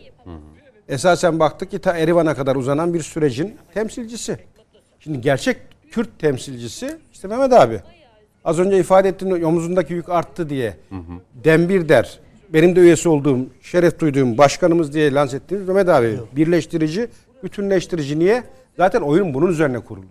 Şimdi bu iki yapı yani teröre doğrudan destek veren ve ülkeyi de bölmek üzere kurulan yapıya bu masadan verilen destekleri bir inceleyelim. Şimdi Ali Babacan Hazine Maliye Bakanı döneminde neredeyse danışmanların hepsi FETÖ mensubu çıkan, hukuki işlem gören ve Hazine ve Müsteşarlık Bakanlığı'nda da işte orada yargılananlara gidin sorun. Paramparça eden bir kişi. Şimdi bunları unuttuk mu biz? Veya hani FETÖ'yle anılan bir takım isimlerle beraber hemen yanı başındaki isimler ya. Gözaltına alınan, casus diye tutuklanan baş danışmanı. Bunları unutup bir kenara attık. Biz şimdi babacan olsun olmasın mı? Ya özden uzaklaşıyoruz. E şimdi e, adını bilen yoktu. Masayla birlikte gündeme geldi. Uysal denilen bir kişi. Demokrat Parti'nin başkanı. Yunanistan'la gerilim yaşıyoruz. Bakın masadaki milli duruşa bakın. Yunanistan Amerika'nın verdiği ayarla Türkiye'ye ahkam kesmeye kalkıyor. Cumhurbaşkanı Sayın Erdoğan, Dışişleri Bakanı ülke millet adına sürece karşı çıkıyor. Gereken neyse haddini vererek söylüyor. Masadan biri uysal da çıkmış diyor ki bu kontrollü bir gerilim diyor. Tam bir FETÖ ağzı. Hani kontrol darbe var ya. Şimdi ya temsil ettiğin değerler, Kontrollü gerginlik demişti o dönem. işte gerilim, gerginlik aynı şey. Evet. Bunu alenen söyledi. Masadan hiç tepki duydunuz mu? Ya bu nasıl laf? Sayın Usay. Biz burada milleti temsil ediyoruz. Bazı değerlerimiz var. Yunanistan gibi Türkiye'ye hasmane bir düşmana karşı, e, düşmanca bir tavır sergilerine karşı bu kurulacak cümle mi? Dedi mi? Demedi. Şimdi ben merak ederim. Ali Babacan'ın bu söylemi, Türklüğü doğrudan inkar eden söylemi, az önce senin de ifade ettiğin, danışmanın da onayladığı söyleme İyi Parti ne diyecek? Normalde masanın yarın sabah çıkmaması lazım. Yani Deva ve İyi Parti arasında bir Türklük kavgası çıkacak gibi. İşte o kavgayı ben şöyle Mesela görüyorum. Yavuz Ağralioğlu ya da İyi Parti sözcüsü O kavgayı ben şöyle görürüm. Yarın masa bitmiştir derse ha anlarım e, kısmen Ya de bu olsa iyi adaylık konusunda e, her siyasi partinin bir çıkışı olacak. Genel başkanın da PR'ını ve hani ya biz bu masada etkisiz eleman gibi çok özür diliyorum böyle tırnak içinde gözüküyoruz. Bari bir çıkış yapalım, bir PR yapalım, bir şeyler olması lazım, bir atraksiyon lazım. Şimdi Sayın Babacan böyle bir atraksiyon yaptı. Bunun İyi Parti'deki yansımasını göreceğiz ne olduğunu ama ben e, yani Sayın Metin'i de dinledim. Sayın Çiçek'e de birazdan söz vereceğim. Bu e, CHP ve HDP ya da arkasında kim varsa istedikleri şu mu? Türkiye'de bildiğim kadarıyla yani eğer yanlışsam düzeltir Sayın Metiner. Yani İslami ve muhafazakar dediğimiz Kürtlerin sayısı çok daha fazla. İstenilen Türkiye'deki Kürtleri böyle liberal ve böyle daha sekülerleşmiş bir e, toplum haline dönüştürmek midir? Bu hale getirmek midir? Yani Deva Partisi'nin çıkışı, CHP'nin bu evet ittifakta değiliz ama verilen mesajlarla bu mudur size göre Mehmet Hocam? E tabi şimdi kim kültürel kimlikler üzerinden tanımlama daha 90'larda e, revaçta oldu. Oysa bir geleneksel ortak noktaları olan bir toplumuz Evet. biz. Yani bu ülkenin de temel mayası, mayasında Müslüman olmak var. Evet. Yani kuruluş ilkelerimizde Türkçe konuşan Müslüman bir nüfus kastedilmiştir. Rumeli'den, Balkanlardan, e, farklı coğrafyalardan gelen yurttaşlarımızla biz bir yek vücut olmuşuz. Şimdi burada ne kadar çok parçaya bölerseniz toplumu o kadar çok aslında koalisyon alanları yaratırsınız. Hocam bu proje mi aslında tamam tarihsel sürece bakmayalım ama sanki birileri Türkiye'de ya da bu coğrafyada yaşayan Müslüman Kürtleri başkalaştırmaya çalışıyor gibi geliyor. E tabi. Yani dininden, e, kitabından, e, mezhebinden, e, peygamberinden uzaklaşmış bambaşka bir Kürt tipolojisi zaten oluşturmaya şöyle sanki. şöyle zaten toplum ister istemez kentleşmenin de etkisiyle farklı sahiplerle, ekonomik sebeplerle zaten tek vücut HDP değildir. bunun öncülüğünü mü yapıyor mu size göre siyaseten? Yani Ya da- HDP'nin e, varoluşunda çok farklı etmenler var. Yani birincisi o aşiret sosyolojisini dönüştürmede bir destek alıyor. E, aldı yani geçmişte. Ama bunun yanı sıra daha kent e, çevresinde diyelim, yeni kentlerin çevresinde Ya da büyük ki sosyolojiden besleniyor. Yani Diyarbakır'ın periferisinden, Mersin'den, Adana'dan, İstanbul'un kenar semtlerinde yeni bir sosyoloji doğuyor. Bunu kemikleştirmeye çalışıyor HDP. Ha, bu süreçte CHP de bunu destekledi. Geçtiğimiz seçimlerde. Şimdi bu hareketlerin farklı farklı hareketlerin bir arada yüzde elliyi tamamlaması aslında Türkiye'nin istikrarsızlaşmasına sebep olur. Batı demokrasilerinde de biz bunu görüyoruz. Yani evet güzel bir demokrasi var ama yönetilmez bir ülke haline geliyor. Temel meselelerde karar alamayan ülkeler haline getiriyorlar. İşte Almanya'da gördüğümüz durum gibi. Şu anda üçlü bir koalisyon var ve temel meselelerde uluslararası çıkarlarını savunamıyor Almanya. Niye? Ülkenin zaten en temel şeyine karşı, çıkarlarına karşı Yeşiller orada koalisyona tutunmuş. Batı genelde bu koalisyon modelleriyle istikrarsız bir e, ve dönüşüme yatkın olmayan sistemler üretiyor. Türkiye'de de aslında istenen bu. 4-5 tane partinin bir araya geldiği, bir tane e, anlaşmalı bir cumhurbaşkanının olduğu ve birçok problemin de yapısal olarak çözülmeyeceği böyle sürekli tartışmaların, atışmaların olduğu bir süreç. Yani mesela bugün altılı masa nasıl gidiyorsa e, seçimden sonra da kazanırlarsa da öyle gider. Yani biri bir açıklama yapar, öbürünün genel başkan yardımcısı cevap verir. Yo, o zaman her gün vay borsanın E tabii. haline, vay E tabii yani ne, e, ne ekonominin haline, vay meclisin Şimdi haline. yani hep hepimiz biliyoruz hani Türk siyasi tarihini. Yani Temel Bey ile ne bileyim CHP'deki bir genel başkan yardımcısının yani bir araya gelmesi mümkün mü Mehmet abi? Aa, Yemek yiyemezler. Ama şu var. Bakın öğlen yemeğinde buluşamazlar. Hayır haklısın. Bu mantık doğru mantık ama şu ana kadar bu mantığın tersinde bir süreç gördük. Dağılmıyor masa. Nasıl dağılmıyor ya? Hayır şu an halen daha yedili konuşuyoruz. Aslında masa masa Sağlam dağınık. bir yapıştırıcı Masa da tutkal dağınık. kullanılmış olabilir. Tabii masa dağınık ama masadan kaçan kaybeder diye Hmm. turu duruyorlar. Yani herkes yapışıyor. Yok ben ona da pek katılmıyorum. Yani e, masadan bugün atıyorum benim partimin değerlerine ters olduğu için masayla işim bitmiştir dese inan o partinin o- o daha parti büyük daha getirisi şey olur. olur. Hı. Ama burada şimdi dört tanesi çok küçük oya sahip. Çok küçük. Ve içeride de kaybettiler. Onu da vurguladım. Masada kaybettiler. Tabii yani dışarı ilk kurulduğunda yüzde iki bir heyecanı vardı bir partinin. Evet. Bir girdi 0.5. Bir girdi şu anda yeniden Refah Partisi daha yüksek mesela. Fatih Bey'in Ama dün partisi. Partisi bile geçmiş. Tabii Zafer Partisi anketlerde. daha Ama dün farklı. Ali Babacan Habertürk'te bir anlatıyor. Dersin ki Halk Partisi bu. Gümbür gümbür geliyor. Tokat'a girdik alan almadık. Herkes başka bir role bürünüyor galiba. Herkes yani bu altılı Yani masa- bu, bu altılı masanın başlangıçta Geliyorum size geliyorum geliyorum. Geliyorum kesin, şimdi. Kesin kazanacağına inandılar ve herkes yapıştı. He. Şimdi ellerde biraz Japon yapıştırıcısıyla herhalde. Şimdi çıkamıyorlar yani bırakamıyorlar masayı. İşte dedim ya sağlam bir tutkal ya da bir sağlam yapıştırıcı var. Ee, buyurun Sayın Çiçek size vereyim hadi bu, bu başlığı da kapatma adına son olarak. Yani siz ne düşünüyorsunuz? Deva'nın çıkışı, Babacan'ın Şunu söylemleri. e, e,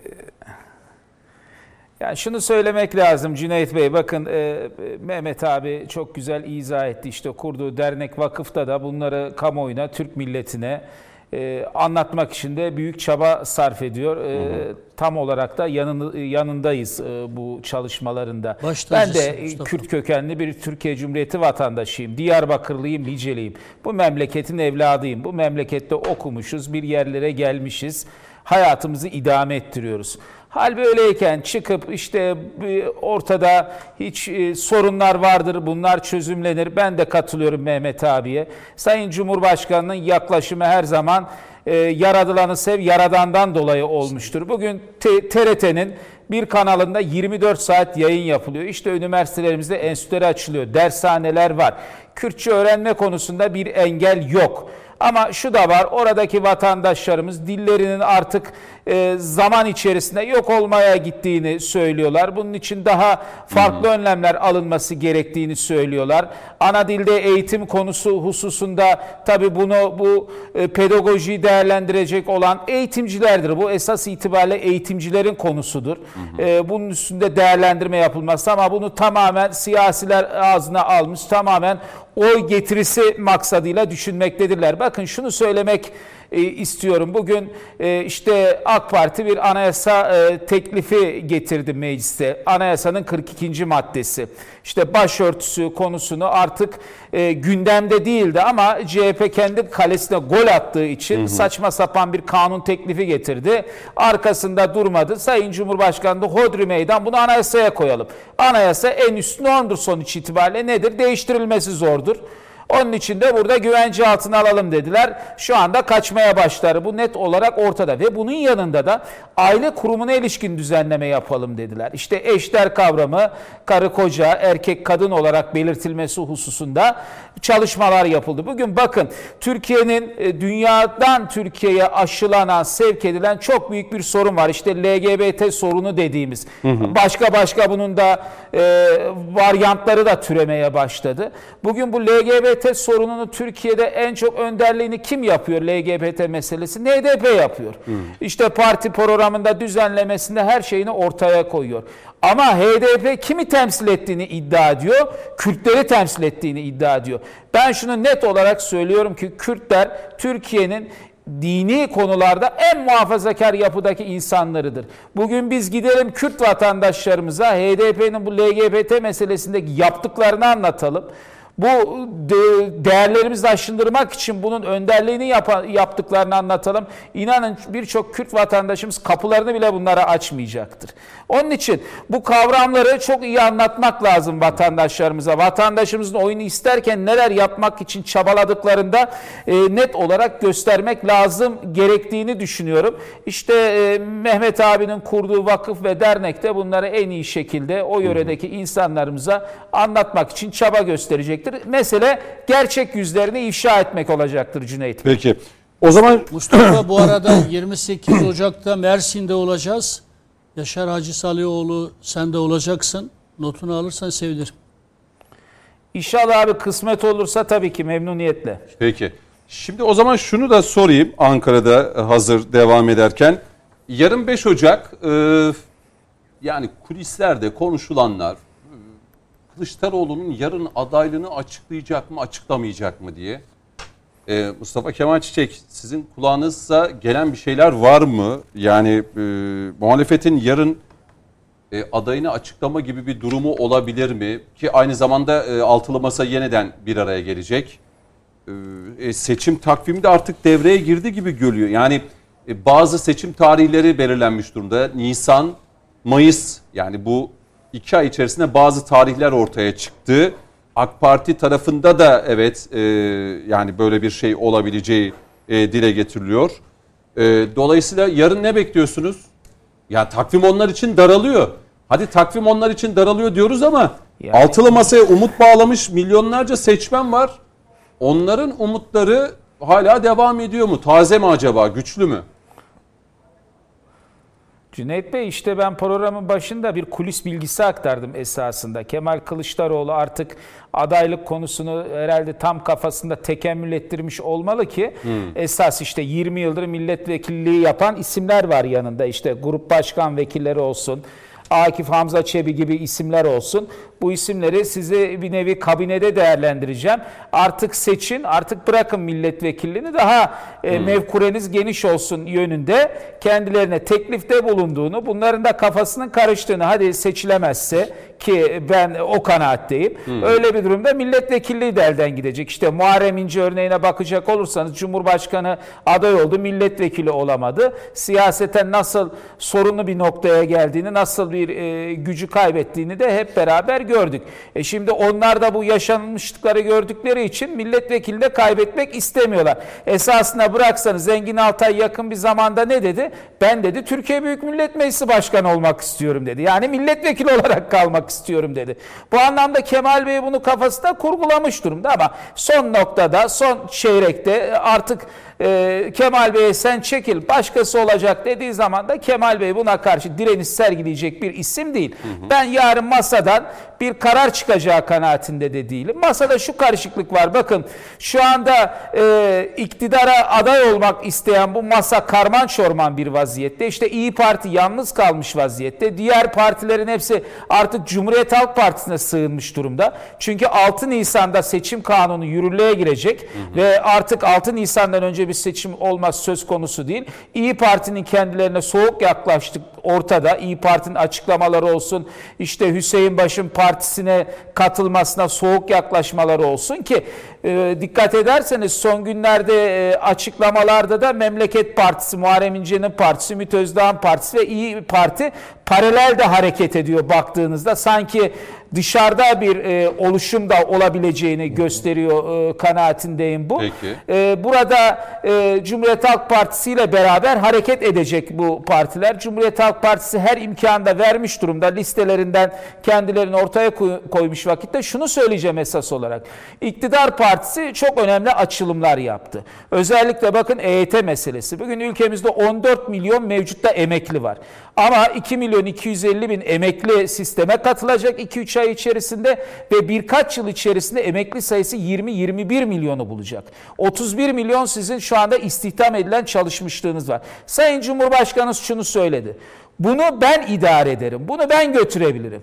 Bakın şu anda muhalefeti oluşturan partilerin 20 milyon emeklinin olduğu Türkiye'yi yönetmelerini ben imkansız görüyorum. Siz İngiltere'ye gidip 500 milyar dolar helalinden para getireceğim diyeceksiniz. Fonlara sığınacaksınız. Yurt dışı yanımda diyeceksiniz. Bugün sadece şunu soruyorum Cüneyt Bey.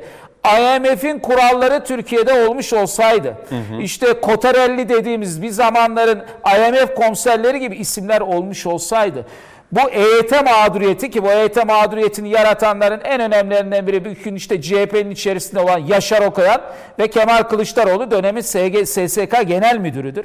Bunların ortaya çıkardığı bir sorundur bu. Çünkü kanun yürürlüğe girdikten sonra işler, yürürlüğe girmeden önce sigorta sistemine girenleri siz dahil edemezsiniz.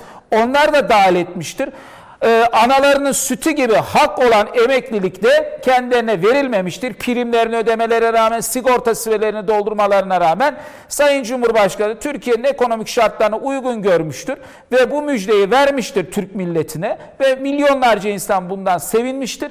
Bugün bu emeklilik sistemini dahi kontrol edecek bir projeleri ortaya koyacak bir politikaları söz konusu değil. Belki onu konuşurlar yarın. Ya biz iktidar olsak ne yapacağız? 20 milyon emekli var karşımızda. Baktığımızda nasıl bunu yürüteceğiz diyeceklerdir belki. Ve şunu da söyleyeceklerdir. Bakın bugün EYT meselesini biz çözdük. A4 kağıdı ellerine alıp bunu da hallettik noktasında milletimizi kandırmaya çalışırken sorunun esas müsebbipleri şunu bilmeleri lazım. Yarın bir gün diyecekler ki bu kadar emekliyi de bizim başımıza getirdiler. Bu kadar sorunla, bu kadar ekonomik sıkıntı var. Biz ne yapacağız diye döneceklerdir. Zaten EYT'yi destekleyenlerin sonradan geçip de bu kadar emekli olur mu bir ülkede? Bu kadar genç yaşta emekli olur mu deyip de tekrardan provokasyona başlamalar da zaten bunun en net göstergesidir.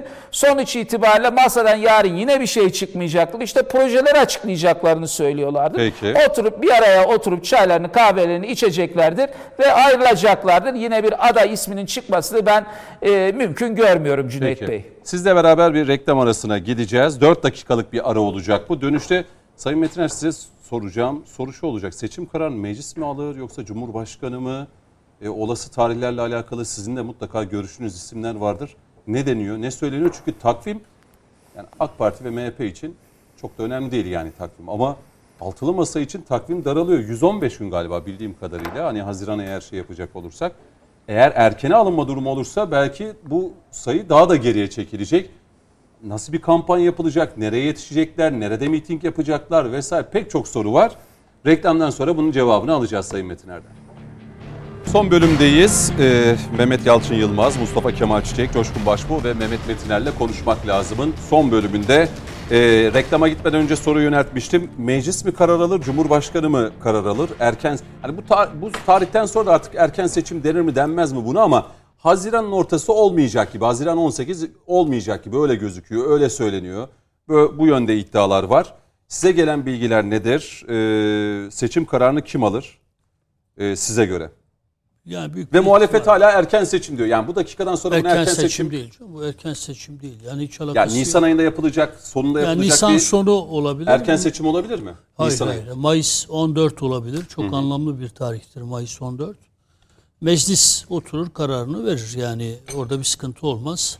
Meclis mi karar nedir? Meclis karar verir. Doğrusu da odur. Ya meclis oturur karar verir. Yani onlar Vermedi diyelim. vermedi. Cumhurbaşkanlığı gereğini yapar yani. Şimdi hem erken seçim istemek hem yani Mecliste. işte yani diyelim ki bir ay bile olsa erkenden Erdoğan'dan kurtulmak istemezler mi yani? Erdoğan bir ayda niye yönetsin yani? Şimdiye kadar öyle diyorlardı ya. Şimdiye kadar hep erken seçim olsun diyorlardı. Şimdi de ona şey yaparlarsa ama kaybedecekler. Yani muhalefet kaybedecek. Ondan hiç kimsenin kuşkusu olmasın. Ee, Ben de Kemal Bey'in yarınki şeyde adaylığını açıklayacağı kanaatinde değilim. O masadan hiçbir şey çıkmaz. Sadece çoklu aday çıkar. Ama zaman daralıyor Sayın Metin. Yani onların sorunu yani ne yapalım yani. Adaylarını açıklayamıyorsa masada adayları konuşmaya bile cesaretleri yoksa ne yapabiliriz yani? Ama bir yıpranma diyorlardı. O süreyi mi bekliyorlar hala? Az Yani yıpransın, kim- çok yıpransın. ma- masadakiler zaten yıllardan beri siyaset yapan insanlar. Yıpranmışlarsa bugüne kadar yıpranmışlardır. Masa dışından bir aradıkları varsa bilelim. 115 günde bir isim yıpranır mı? Seçim hani Ya, dediğim. ya her siyasette herkes için her şey söylenir. Yani Peygamberimizin torunları, pak torunları Kerbela'da doğranmıştır. Neler neler söylenmiştir. Yani ben siyasete gireyim kimse benim hakkımda kötü bir şey söylenmesin. İşte deminden beri konuşuyoruz millet neler neler yazıyoruz. Demediklerimizi demişiz gibi. Evet onu da görmüştüm. Hani çok Yani da güya böyle ben mesela deva de- bir saniye. Bu Mustafa Kemal Bey'in e, izleyicimizin Yani- attığı şöyle bir mesaj vardı. Siz böyle bir şey kullan. Sayın Mehmet Metiner devanın açılımından ürkmüş ki Kürde Kürtçe zorunlu, Türkçe seçmeli olsun dedi. Valla ben devanın açılımını bilmiyorum çünkü devayı önemsemiyorum yani. Devadaki arkadaşlarımı önemserim ama bir kısım arkadaşlarım benim için çok değerlidirler ama ya devanın açılımı nedir vallahi bilmiyorum ben. Çok da merak etmişliğim yok. Ee, ama şunu söyledim ben. Demokrasi yani ve Atılım Partisi Ha, tamam. açılımı. Bizde demokrasi ve birlik. Herkes için demokrasi istiyoruz ama birlik için de demokrasi istiyoruz. Birliği zedeleyecek her türlü arayışı aynı zamanda demokrasi içinde bir tehdit görüyoruz. Farklılıklarla biz, farklılıkları inkar eden biz anlayışı değil, farklılıklarla biz anlayışı. AK Parti'nin siyaseti de bu, bizim de şeyimiz, anlayışımız bu. Bu noktada bütünüyle örtüşüyoruz. Şunu söylemeye çalışıyorum. Yani Kürt çocukları için Kürtçe seçmeli ders olmaz. Ama Türk çocukları, Türk kardeşlerimiz de Kürtçeyi ana dilleri gibi görüp öğrenmek istiyorlarsa onlar için Yanlış herhalde anladı. onlar için izleyicimiz. evet Türk çocukları için de e, Kürtçe seçmeli ders olarak e, verilmeli ve bence bu ülkenin Kürt çocukları Kürtçeyi de Arapçayı da bu ülkenin Kürtleri de zaten Türkçe öğreniyorlar. E, Kürtçeyi de artık resmi dil olarak değil kendi de ana dilleri olarak görmeli. Biz Demokrasi ve Birlik Derneği olarak, Den Bir Der olarak bu tezimizde ısrarcıyız. Bu ülkenin bütün, ben resmi dil kavramını çok fazla anlamlı ve değerli bulmuyorum. Niye söylendiğini biliyorum. Ana dil denildiğinde resmi dil anlaşıldığını. Ben bu ülkenin bütün dillerinin her birimizin ana dilleri olduğu kanaatindeyim. Ben bir Kürt olarak Türkçeyi devlet okullarında nasıl öğreniyorsam bir diğer ana dilim olan Kürtçeyi de devlet okullarında öyle öğrenmeliyim kardeşim. Ana dilde eğitim demiyorum. Ana dilin öğretimi, eğitimi. Dolayısıyla herkesin devleti böyle olur. Anayasada buna mani bir durum varsa bir ibare değişikliğidir. Türkçe ile beraber bu ülkenin bütün dillerinde dillerinin öğretimi gerçekleştirebilir. Bu- Bunda bir sakınca yok Peki yani. izleyicimiz herhalde. Altılı masa seçimi görecek mi göremeyecek mi o zaman? Çoklu Ben- dediniz ben- siz, çoklu adaylar. Ben ortada altılı, ben böyle bir masa olduğunu artık görmüyorum bakınız. Çok net söylüyorum ya bunlar zoraki birbirlerine yapışmışlar.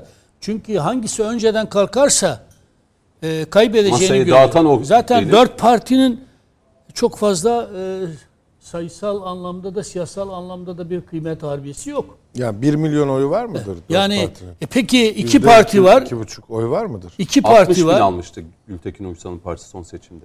Ha iki parti var. İyi Parti ile CHP. Şimdi geçen işte CHP İyi Parti e, meclise girsin diye oylarını vermiş. Destek oldu. HDP'ye verdiği gibi. E şimdi CHP şunu gördü. Ya ben oyumu veriyorum ama benim dibime oymaya çalışıyor İyi Parti.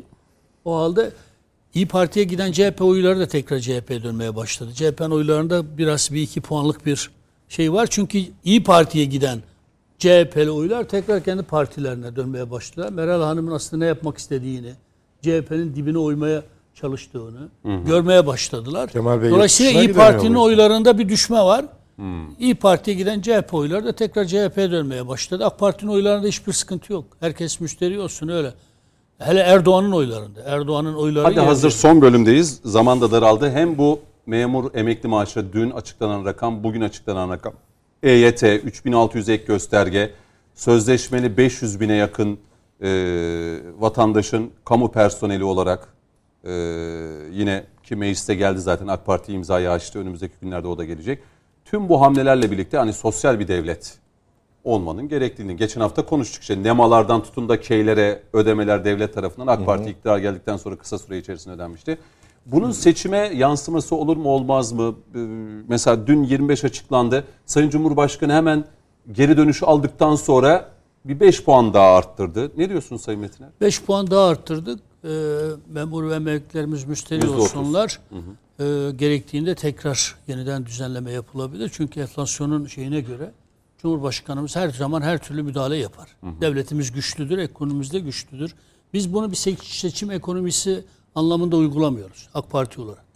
Vatandaşlarımızın böyle bir sorunu var. Enflasyonu ezdirmemeye çalışıyoruz ve devletimizin bütün imkanlarını da vatandaşlarımızın imkanları olarak görüyoruz ve dağıtıyoruz. Seçim kazanmak gibi bir derdimiz yok çok şükür. Hele e, Cumhurbaşkanlığı seçiminde Cumhurbaşkanımızın böyle bir seçim ekonomisi uygulamak gibi bir şey asla yok. Böyle bir şey yanlış. Burada bugün şeyin çok güzel bir yazısı vardı. Herkesin okumasını salık veririm. Yeni Şafak gazetesinin değerli genel yayın yönetmeni Hüseyin Likoğlu. e, Hüseyin Likoğlu kardeşimin harika bir yazısı var. Kemal Bey'den ve CHP'den de ricamız şu. Kemal Bey sen iktidarda olsan hani diyor ya Er- Erdoğan AK Parti ne yaptıysa biz yaptırdık diyor ya. Ya sen iktidarda olsan bunları yapamayacaksın. Sana bunu yaptırmayacaklar. E bari madem ki önemli olan memleket yararına bir şeyler yaptırabilmek sen hep muhalefette kal. Şöyle biz de yapalım. İktidardaki bir Kılıçdaroğlu bunu asla yapamazdı. Tabii o işin ironik kısmı. ironik kısmı. Ama Mustafa Bey hatırlattı o loading kağıdı A4 kağıdını eline alıp şey dedi. Geldiğimiz ilk günde de ertesi günü on binlerce çözümle karşınızda olacağız dedi. On binlerce problemi çözeceğiz dedi. Ya ben çok merak ediyorum Kemal Bey neyi çözecek? Ne kaldı ki? Neyi çözecek? Yo bunu söyledi ben hani Ben defalarca o bakınız dinlediniz mi o videoyu? dinledim. Ben defalarca bakınız ben şu an sivil bir toplum kuruluşunun genel başkanıyım. Benim Kürtlüğümü herkes bilir. Bir Kürt temsilinin başındayım ben. Ben bir vatandaş olarak Kemal Bey'e defalarca sordum. Kemal Bey, canım sen genel başkanımız. Senden rica ediyoruz ya Kürt sorunu çözeceğiz diyorsun. Ne adımlar atarak çözeceksin? Bir anlat ya biz Kürtler bilelim bunları. Belki seni alkışlayacağız, belki seni eleştireceğiz. Bir önce Kürt sorunu nedir diye bir tanımla dedik. Bugüne kadar bir tanım gelmedi. İki, Kürt sorunu çözmek için hangi somut adımlar atacaksın? ya? Ana dilde eğitim mi? Kürtler için özellik mi? Federasyon mu? Ne öneriyorsun ya? Bir açıkla bilelim. Kemal Bey bugüne kadar, Kemal Bey'in partisi adına bugüne kadar hiçbir Allah'ın kulu çıkıp bu sorularımıza cevap vermedi. Hangi sorunu çözecek? Ama on binlerce sorunu çözeceğiz diyor. Peki bittiyse Ya kendisi bir sorunsa... söyledi aynen. Bu, yani ben duydum. Yani yüz fırtına geliyor dedi. Yani bu fırtına ile birlikte yüz binlerce sorunu dedi çözeceğiz dedi. Ama Çok- Kemal Bey'in CHP'si zaten kendisi bir soruna dönüşmüş durumda. Millet sandıklarda artık bu sorunu çözmedi. Peki. Son 11-12 dakika. Sayın Yılmaz ne diyorsunuz? Yarın bir şey çıkar mı adaylık? Yok Konusunda- adaylık konusu e, son raddeye kadar devam edecek. Görünen o. E, Belli meseleleri tartışacaklardır. İyi Parti özellikle Deva Partisi'ne bu söylemlerinden dolayı e, hassasiyetlerini iletecektir. Bizim seçmenimiz, tabanımız rahatsız oluyor diyecektir.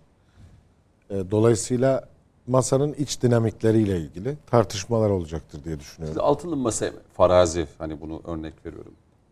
Bu yarınki toplantıdan da bir şey çıkmadıktan sonra hani altılı masada herhangi bir parti der misiniz ya artık açıklayın kardeşim bu nedir ya ben daha Zaten seçmenin artık eski güveni kalmadı. Muhalif seçmenin. Çünkü muhalif seçmen de belli bir akla sahip. Yani evet Erdoğan gitsin diyen her şeye karşı belli kitleler var ama bir yandan da ya Türkiye'de bir değişim olsun diyen bir makul muhalifler de var. Şimdi onlar da artık ümitsizliğe düştü. Çünkü aylardır bir pazarlık masası olduğunun farkında. Pazarlık nerede dönüyor? Şimdi bakın geçmişte CHP bunu çok yaptı. Mehmet Bekaroğlu'nu aldı mesela. Abdüllatif Şener'i aldı. Bir sürü böyle açılımlar yaptı. Şimdi aynı listelerden belki Ali Seçilecek. Babacan girecek. Değil mi? Ahmet Davutoğlu girecek. Büyük ihtimalle Koskoca Bir Ahmet liste. Tabii Konya'dan mesela anasını. belki e, Konya'dan A- Abdüllatif Bey vardı. birinci belki sırada onu mu göreceğiz? yanında ya da Niye altında bağımsız olacak. aday olmuyorlar? Bu Bağım- kadar güçleri bağımsız varsa. aday olmak ya da işte bir seçime girip yüzde yediye talip olmak için ülkenin bütününe dönük bir şeyler üretmeniz lazım. O da olmayınca. Şimdi bu cesaret olmayınca masayı birbirinde bağlayan çok önemli şeyler var. Kemal Bey de diyor ki ya tamam diyor liste listede vereceğim. Bakanlık da vereceğim diyor. Ben öyle hissediyorum. Ama diyor şu benim adaylığıma bir destek verin. Yani artık diyor çekincelerinizi bir kenara Yarın bırakın. mesela masada der mi Sayın Kılıçdaroğlu bunu? Masaya. Bence diyordur yani. Şimdi bu kadar çok Yok. mesaj veriyor Bunların Kemal Bey. hiçbir zaman konuşulmadığı belirtildi genel başkanlar düzeyinde. Ama Baykan'ın evine gidiyor. İşte ben diyor gerekirse diyor tabii ki diyor bu Bunlar vazifeye hazırım diyor. diyorlar. Yani Subliminal bu mesaj. masada Doğru niye söylüyor. konuşulmasın ki bunlar değil mi?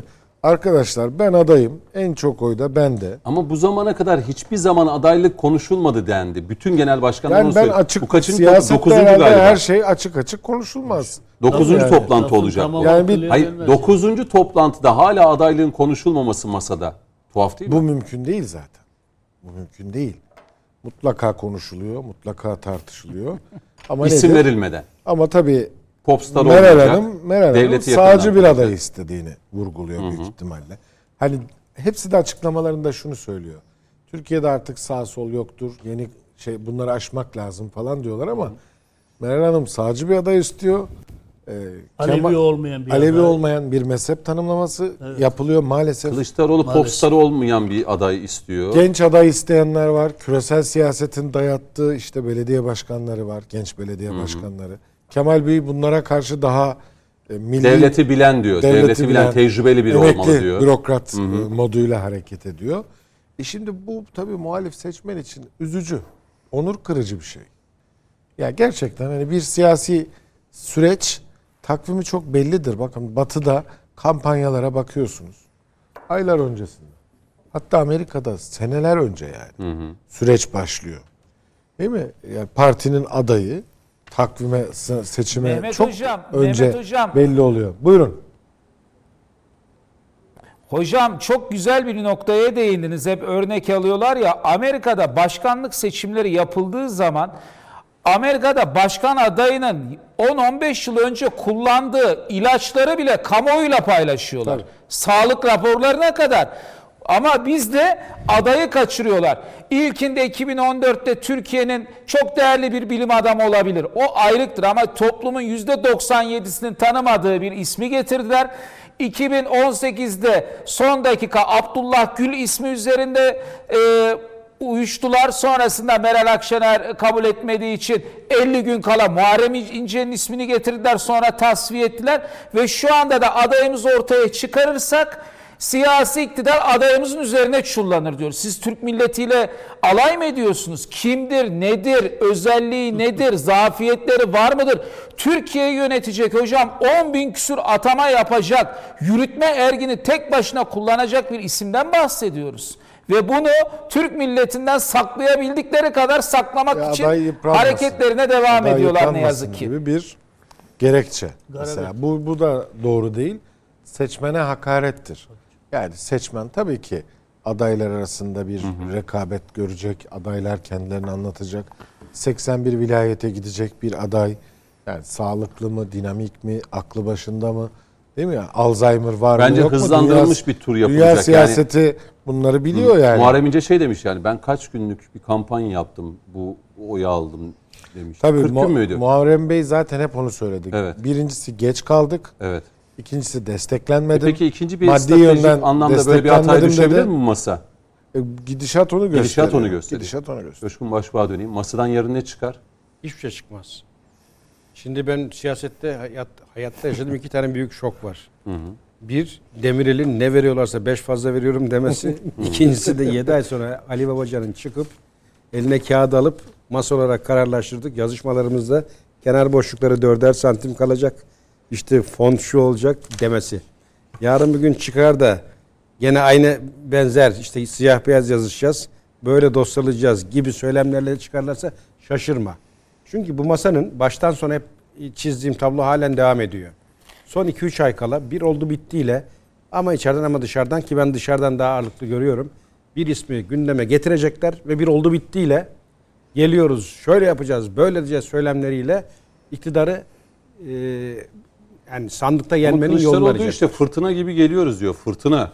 Yani güzel bir fırtına benzetmesi yapıyor. Hani o fırtınayla tüm diyor sorunları çözeceğiz diyor. Şimdi bu söylemlere kendi inanıyor mu merak ediyorum. Bakın samimi söylüyorum. Yani ortada sorun ne olduğu belli değil.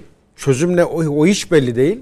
Ama on binlerce çözümle geliyoruz. Neye karşı? Sorun ne? Mesela Bilmiyorum. o gece Sayın Cumhurbaşkanı e, sosyal medya hesabından tam 300'e yakın tweet attı. Yani 2022 yılında Türkiye Cumhuriyeti Devleti olarak neler yaptık diye peş peşe ilk kez Sayın Cumhurbaşkanı'nın hesabından hani hangi birine bakacağım diye ben yoruldum. Hani hangi acaba bu paylaşım ne var derken o sıralarda Sayın Kılıçdaroğlu çıktı loading diye kağıdı çıkarttı. Türkçesi nedir söyleyeyim bizim gibi. Sayın Bahçeli de zaten eleştirdi yani nedir? Türkçesi dedi yükleniyor.